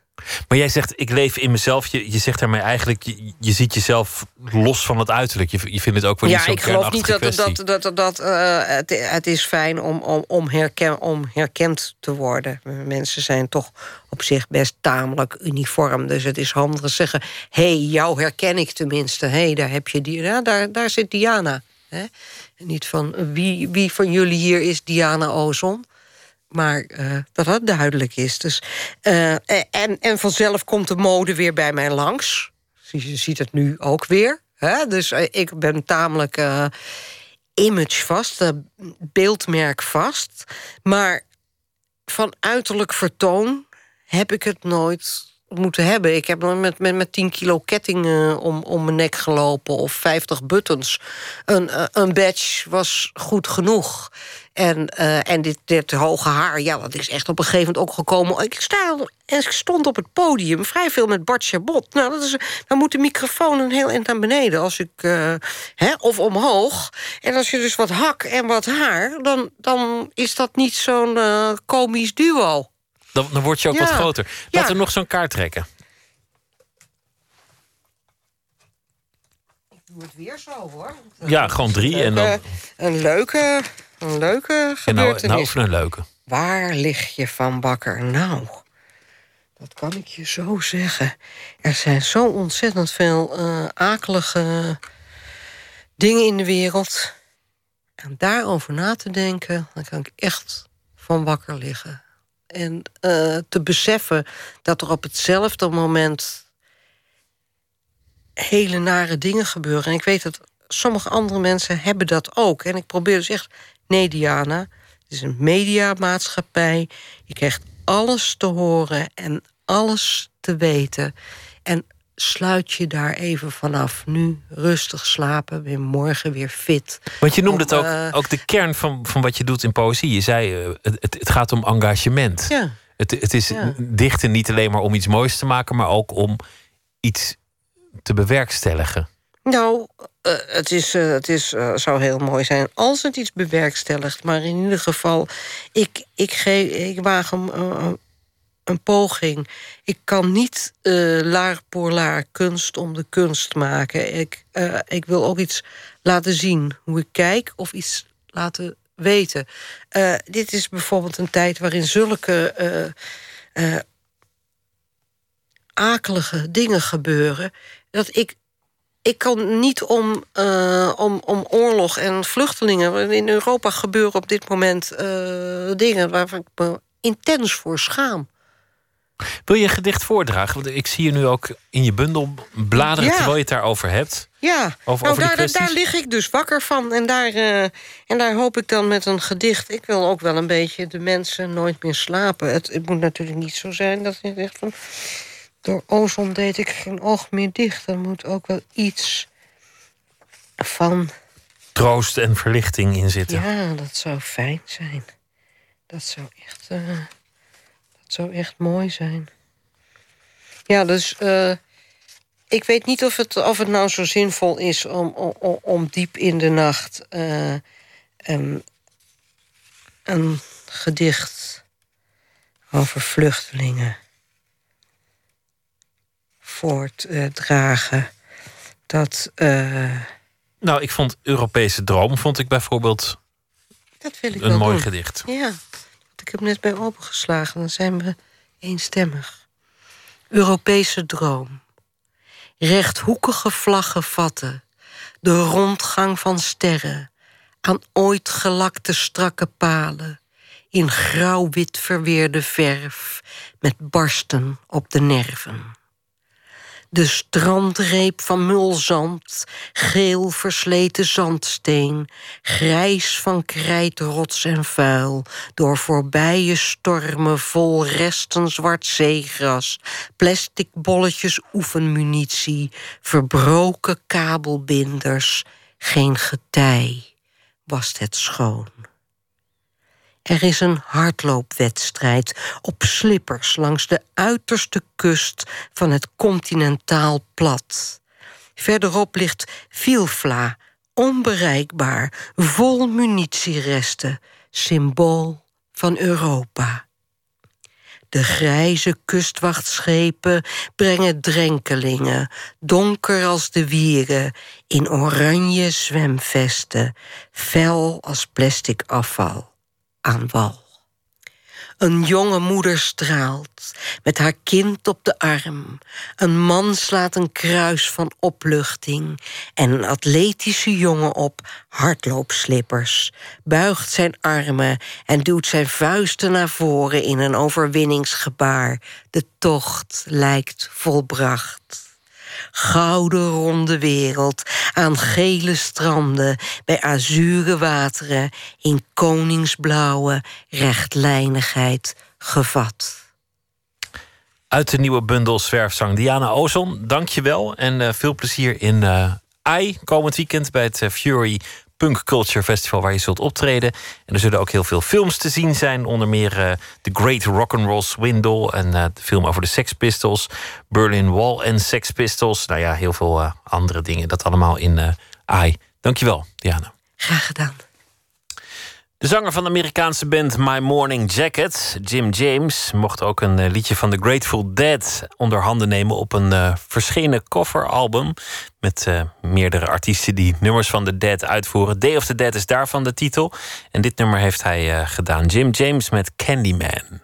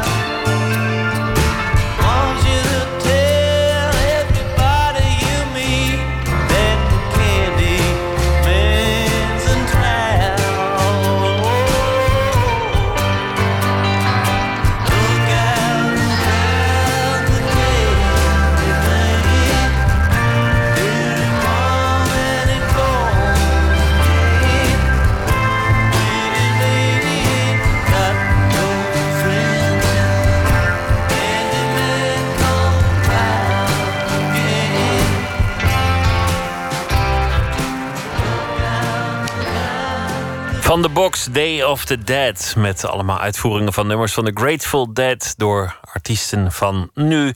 Was dit eh, de uitvoering van Jim James. Normaal van uh, My Morning Jacket. Candyman. Nooit meer slapen.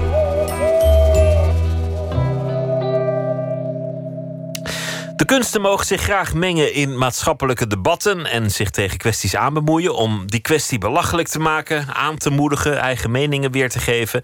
En zo ook in het uh, al voortslepende vluchtelingendebat. De kunstenaars zijn daar een wezenlijke speler in dat debat. Maar Tom Klaas, een nachtcorrespondent, wat voegen ze eigenlijk toe? Ja, dat is een hele goede vraag en ook een hele grote vraag. Uh, niet onbelangrijk, maar er is niet zo heel erg gemakkelijk een eenduidig en simpel antwoord op te geven. Er zijn heel veel facetten aan, dus ik laat ik even klein beginnen. Dat is misschien wel handig.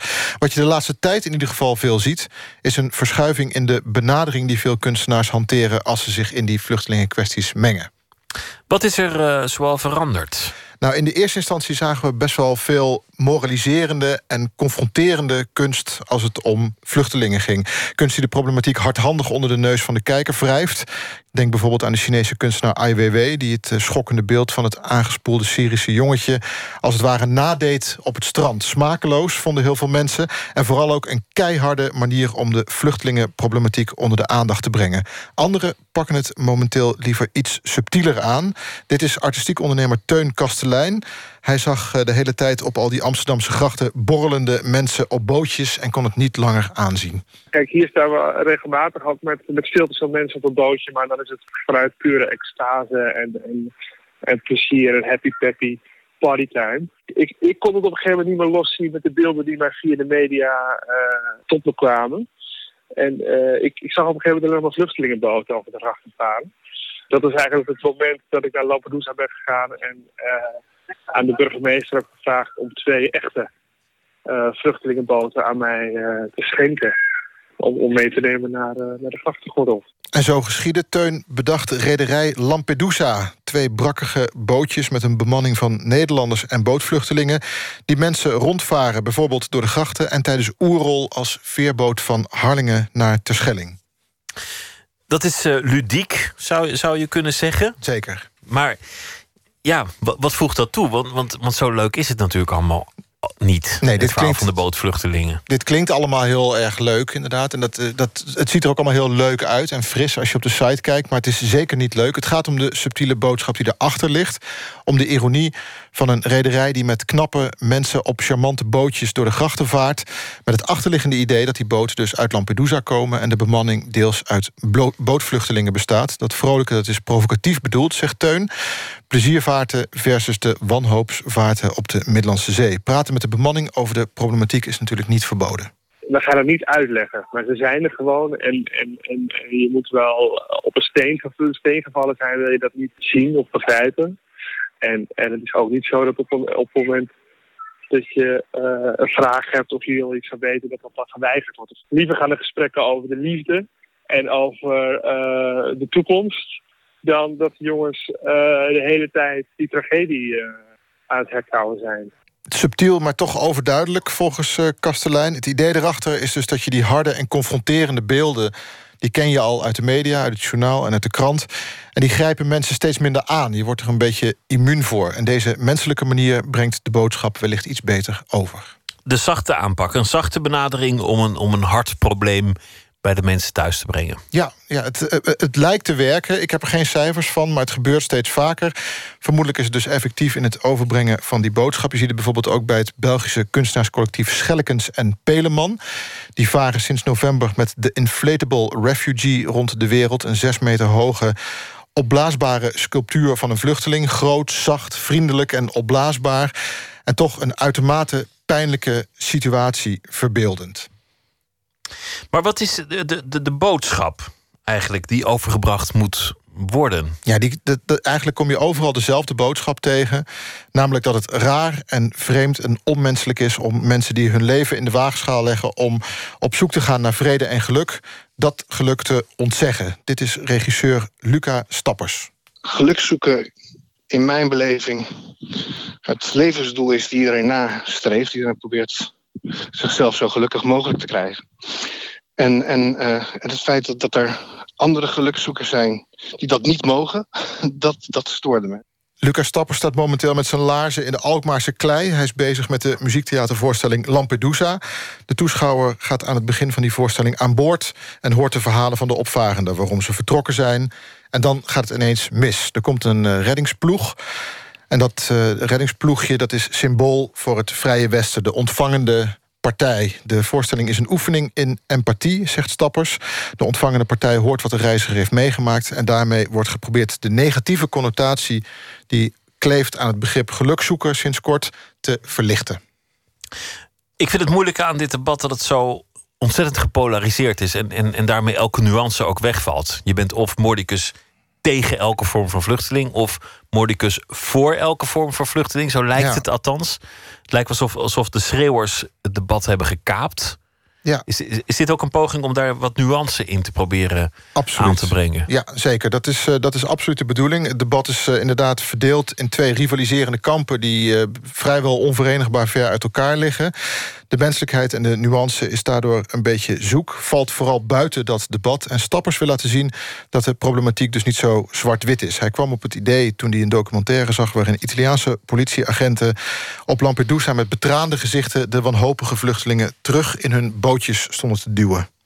En je zag dat ze als mens daaraan kapot gingen... maar als uit, uit hoofden van hun functie dat wel... Uh, gingen doen. En dat is een beetje de spagaat waarin, uh, waarin we zitten. Dat er is een soort idee van, nou ja, we moeten dit beheersen. We moeten hier iets tegen doen.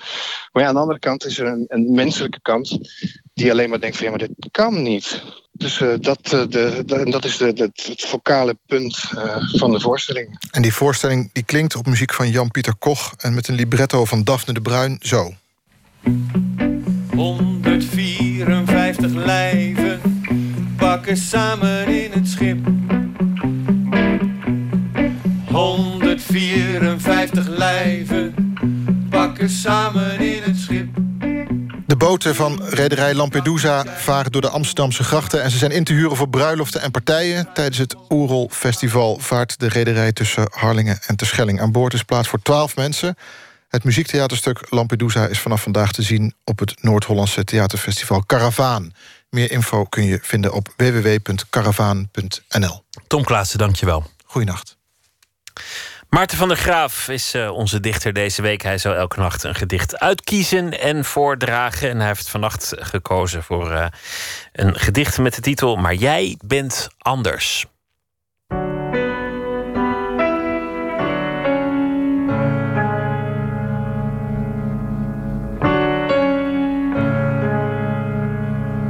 Gedicht van vandaag is van Dean Bowen, geboren in 1984. Hij is een dichter, performer, psychonaut, zegt hij zelf, woonachtig in Rotterdam. Hij maakt onderdeel uit van het Wakker Licht Collectief en is een van de vaste workshopdocenten van het Louder Than a Bomb educatieproject van Poetry International. Hij staat regelmatig op de podia in Nederland en in België. Hij kan ontzettend goed voordragen. En deze zomer ga ik samen met hem op Dichters in de Prinsentuin uh, rondlopen. Dat is een festival in Groningen. En dan gaan we kijken wat poëzie eigenlijk allemaal betekent en doet met mensen. En begeven wij ons onder het volk. En daar komt een tekst uit. Het gedicht van vandaag is een gedicht over confrontatie, ongemakkelijke en pijnlijke communicatie. Over uitsluiting, maar ook over het spreken voor jezelf. Dat jouw stem jouw stem is en dat je niet voor een groep of abstractie hoeft te spreken.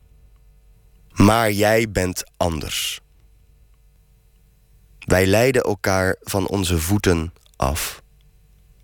Laten het voor brood en spelen doorgaan.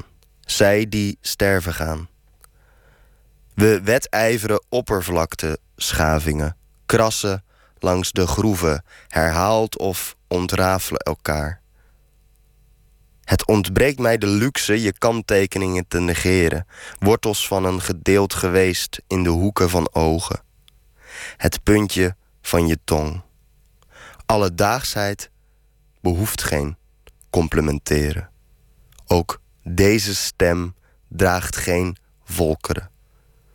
Spaar me. Je waarnemingshorizon kantelt, vangt de ondoorzichtigheid van dit vormloze. Maar ik ben niet anders. Geloof me. Een gedicht van Dean Bowen, maar jij bent anders. Voorgedragen en uitgekozen door Maarten van der Graaf. Morgen zal hij weer een uh, gedicht voordragen dat hij zelf uitkiest. Dan komt ook uh, striptekenaar Theo van der Boogaard op bezoek. Bekend van heel veel dingen. Onder meer van zijn chef van Oekos Strips. Begon al in 1969 voor het tijdschrift Aloha. En heeft uh, sindsdien van alles gedaan. Maar daar gaan we het morgen over hebben. Voor nu een hele goede nacht. Morgen een leuke dag en graag weer tot dan.